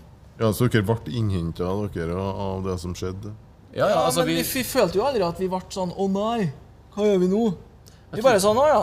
Men jeg tror ikke vi fikk med oss hvordan krisa egentlig var i den bransjen. da. For at vi bare gjorde det vi gjorde, som vi alltid har gjort det. Så, så den kurven vår i forhold til musikkproduksjon har vært liksom en jevn kurve hele veien. Så den at bransjen på en måte kollapsa, hadde ikke vi fått med oss når vi ga ut Varsko her. I 2007 så trykte vi opp 3000 CD-er. Nei, var så mye? Ja, Vi, fikk ikke, vi ble ikke kvitt dem, da. Vi har dem ennå. men, det, men, det, er jo fordi dere blir på en måte redda av Fordi fra gammelt av så har du jo den eh, Du har jo trønderrockerne eh, som gjorde løypa, samfunnshusløypa. Og så har du på en måte punkbandene som gjorde eh, europaløypa si til de autonome klubbene, liksom. Og så, eh, men dere er jo da reddes av samfunnshusløypa eh, og liksom turnere og tjene penger på spilt konsert. Det er jo eh, fantastisk. Gjør dere det ennå? Altså, vi spilte ganske lenge. Uh, altså, det var en lang periode vi spilte veldig mye. Og, og vi skjønte ikke helt sjøl at vi hadde blitt et sånn bygde et sånn fest med lokale band. Mm. For at fram til Pisspreik så hadde vi jo spilt på hiphop jam. Og, og, spilt på altså mest på alle mulige hiphop-arrangement i hele landet, egentlig. Og blitt kjent med hele miljøet og var, var på en måte 100 hiphop. Og så plutselig blir vi booka overalt, men vi tenkte ikke over at vi har blitt sidegubber eller Too Far Gone på en måte i det her at vi har blitt et sånt fest med lokale band. For oss så var det bare flere spillejobber, og det var kult. Ja, pluss at det, det, parallelt med der så var det jo også mye som skjedde i Trondheim og i byene. Og ja, ja. Vi var jo litt sånn rundt i urbane strøk òg, på en måte. Det var mye sånn uh, arrangement og festligheter og, og, ting som vi måtte uh, Som jeg husker, vi, vi for jo svirra rundt ganske mye. Ja, ja. Og vi spilte jo på festivaler, hiphopfestivaler i Bergen og i Oslo, og vi spilte på Youngstorget, og vi var liksom rundt omkring og, og spilte på store scener og gjorde ting. Så, mm. så, det var ikke bare fest på lokalet heller, men det var den som på en måte vedvarte lengst. da. Mm. Og der hadde vi på en måte jobb nesten hver helg. Altså i 2004-2005 så tror jeg vi spilte nesten hver eneste helg. Også. Ja. Og Litt tilbake til det vi spurte om hvordan, det føles når, dy, når, du trekker opp dyna. Eh, jeg husker jo Jeg hadde jo 30 %-stilling i kommunen når Pisspreik kom ut. Ja. Og det var det eneste jobben jeg hadde. Ja. Uh, og bortsett fra det så var jeg på en måte litt sånn frilansing og, og, stort sett fremmed raseting. Og, og, og jeg for jo helt inn i det altså, Sørsida Gerilja og kloakksystemer begynte sånn her òg. Og, og, nå hadde jeg liksom vært med og, og observert når Pisspreik ble uh, mastra, og da var jeg å på en måte produsere eh, Sørsida Gerilja-mikstapen. Mm. Så da spilte vi inn hele den, og det tok jo månedsvis, det òg. Mm. Så jeg var jo sånn derre det var, jeg husker jo, det var jo bare sånn hiphop, hiphop, hiphop hele tida. Det var den ja. basket-jersey-perioden din? det? Ja. Bare var hiphop-produsenten i basket-jersey som bare hadde fingrene sine borti eh, alt det kule. Da, da skulle jeg være ja, Da var jeg sånne svære sånne joggedresser av den perioden der. Da. Mens jeg bodde hjemme til mora og faren min ennå og bare nerda hjem, og så i helgen dro jeg på konsert, liksom. Det var livet mitt. ja, det var Thurston Hall, det. Men Og så hadde vi jo releaseparty på Pisspreik på Blast. Mm. Ja, hvordan var det? Det var bra. Det gikk bra, ja, det var, det var, det var sånn, Blast var alltid bra. Vi har jo spilt mange konserter på Blast. Mm. Men det var bare en sånn her helt nydelig scene. Og, og de driver flytta litt rundt på den scenen, for den hadde stått på forskjellige plasser i lokalet her. Ja. Så, eh, men, det, men, det, var liksom perfekt konsertlokale, egentlig. Intimt. Og det er det som er Heidis Bierbar i, i dag. Ja. Det har vi Blast. Og eh, vi har jo spilt på hele rekka på Solsiden. Men altså, jeg, vet hva, jeg, vet ikke hva, som er der lenger. Men vi har jo, vi har jo på en måte vært innom det var Første konserten vår var jo på TMV, og det er jo Solsiden kjøpesenter i dag. Så det var der alt starta. Inni det som er at det er rulletrappa eller noe sånt, tror jeg. Det var liksom første konsertplassen vår. Jeg var jo, var jo uh, dem som hadde kom fra Aker Brygge-prosjektet, som skulle lage Aker Brygge, Brygge, i Trondheim. Og da var det en sånn mellomperiode hvor de lot folk få leie for en rimelig penge for å fylle opp, og at det skal, skal se ut som aktivitet. Mm. Og da har du det kulturinstitusjonen. Altså, den... Da, det blåste jo da hjemplassen til mange av oss uh, i den perioden. Jeg hadde jo Soul Train der en gang i måneden, f.eks. Mm. Og Dila hadde uh, sine ting på, på um, Luna Lounge Luna, rett ved ja. siden av. Ja, Luna eh, har vi jo spilt konserter på, og blast mange ganger, både på Ut Awards og på Det var jo et sånt radioshow der som het Taliban, som vi også spilte på. Og og den gangen du hadde USA-flagget som kappe, og jeg hadde Thuglife med tusj på magen Det var jo på en plass som het Escape, og det er vel det som er Peppes i dag. Så det er, liksom, det er mye som har vært innom der opp gjennom årene. Ja. Releasepartyet ble jo filma med to kamera, og det har vi jo fortsatt sikkert seks-sju sånn DV-teiper med, med, det releasepartyet. Mm. Og intervjua backstage, og alle sammen var jo her. Gods alle som var med på skiva. Jeg husker ikke om vi hadde noen DJ. Nei, jeg husker ikke. Vi hadde sikkert det. Jeg tror vi hadde en DJ for kvelden, men, uh, men uh, der, er mye, der er mye artige opptak, tror jeg. Altså, det er lenge siden vi har sett. Mm. Ja, det, ja. Dere, dere kassene du har med videoopptak fra hele trøndersk hiphop-historie, er jo en våt drøm.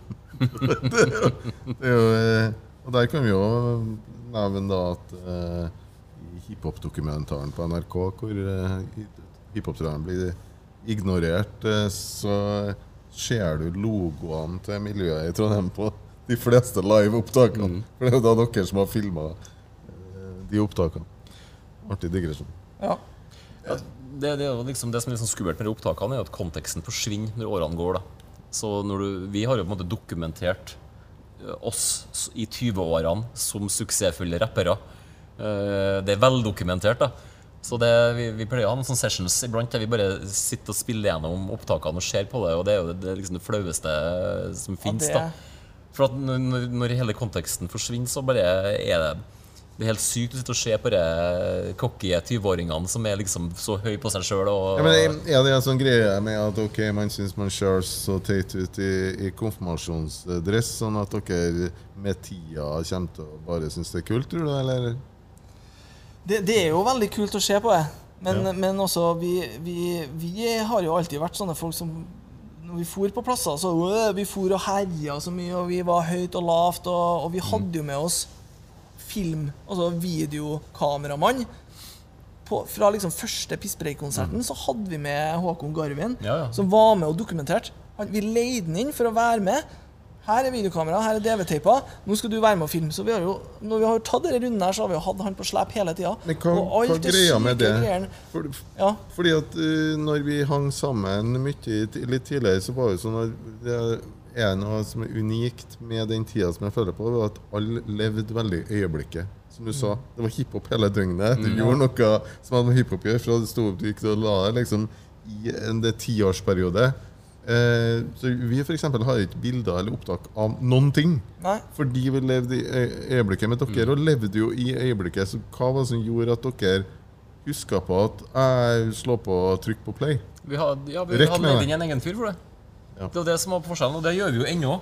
Ja. Vi har en egen kameramann som er med på alle konsertene og er med som en del av bandet. egentlig da, Oppå mm. scenen med kamera og bare er en integrert del av, uh, av artistene. egentlig. Er det ikke sånn live-overføring på skjerm, da? Eller som en del av showet? Nei. Det Nei, men det er jo for at Frode, og, Frode Kristian har alltid vært arkivarer. Ja, arkivarer ja. Frode har alle bildene som man noen gang har tatt, har han i et hvelv, nesten. ikke sant? Og Kristian, alle opptakene, alle videotapene, alt som har blitt filma av oss, har han lagra. Så det er liksom, dem har alltid vært så Ikke mediasavvy som i at de er opp, men altså mediasavvy med at de er gode på kamera.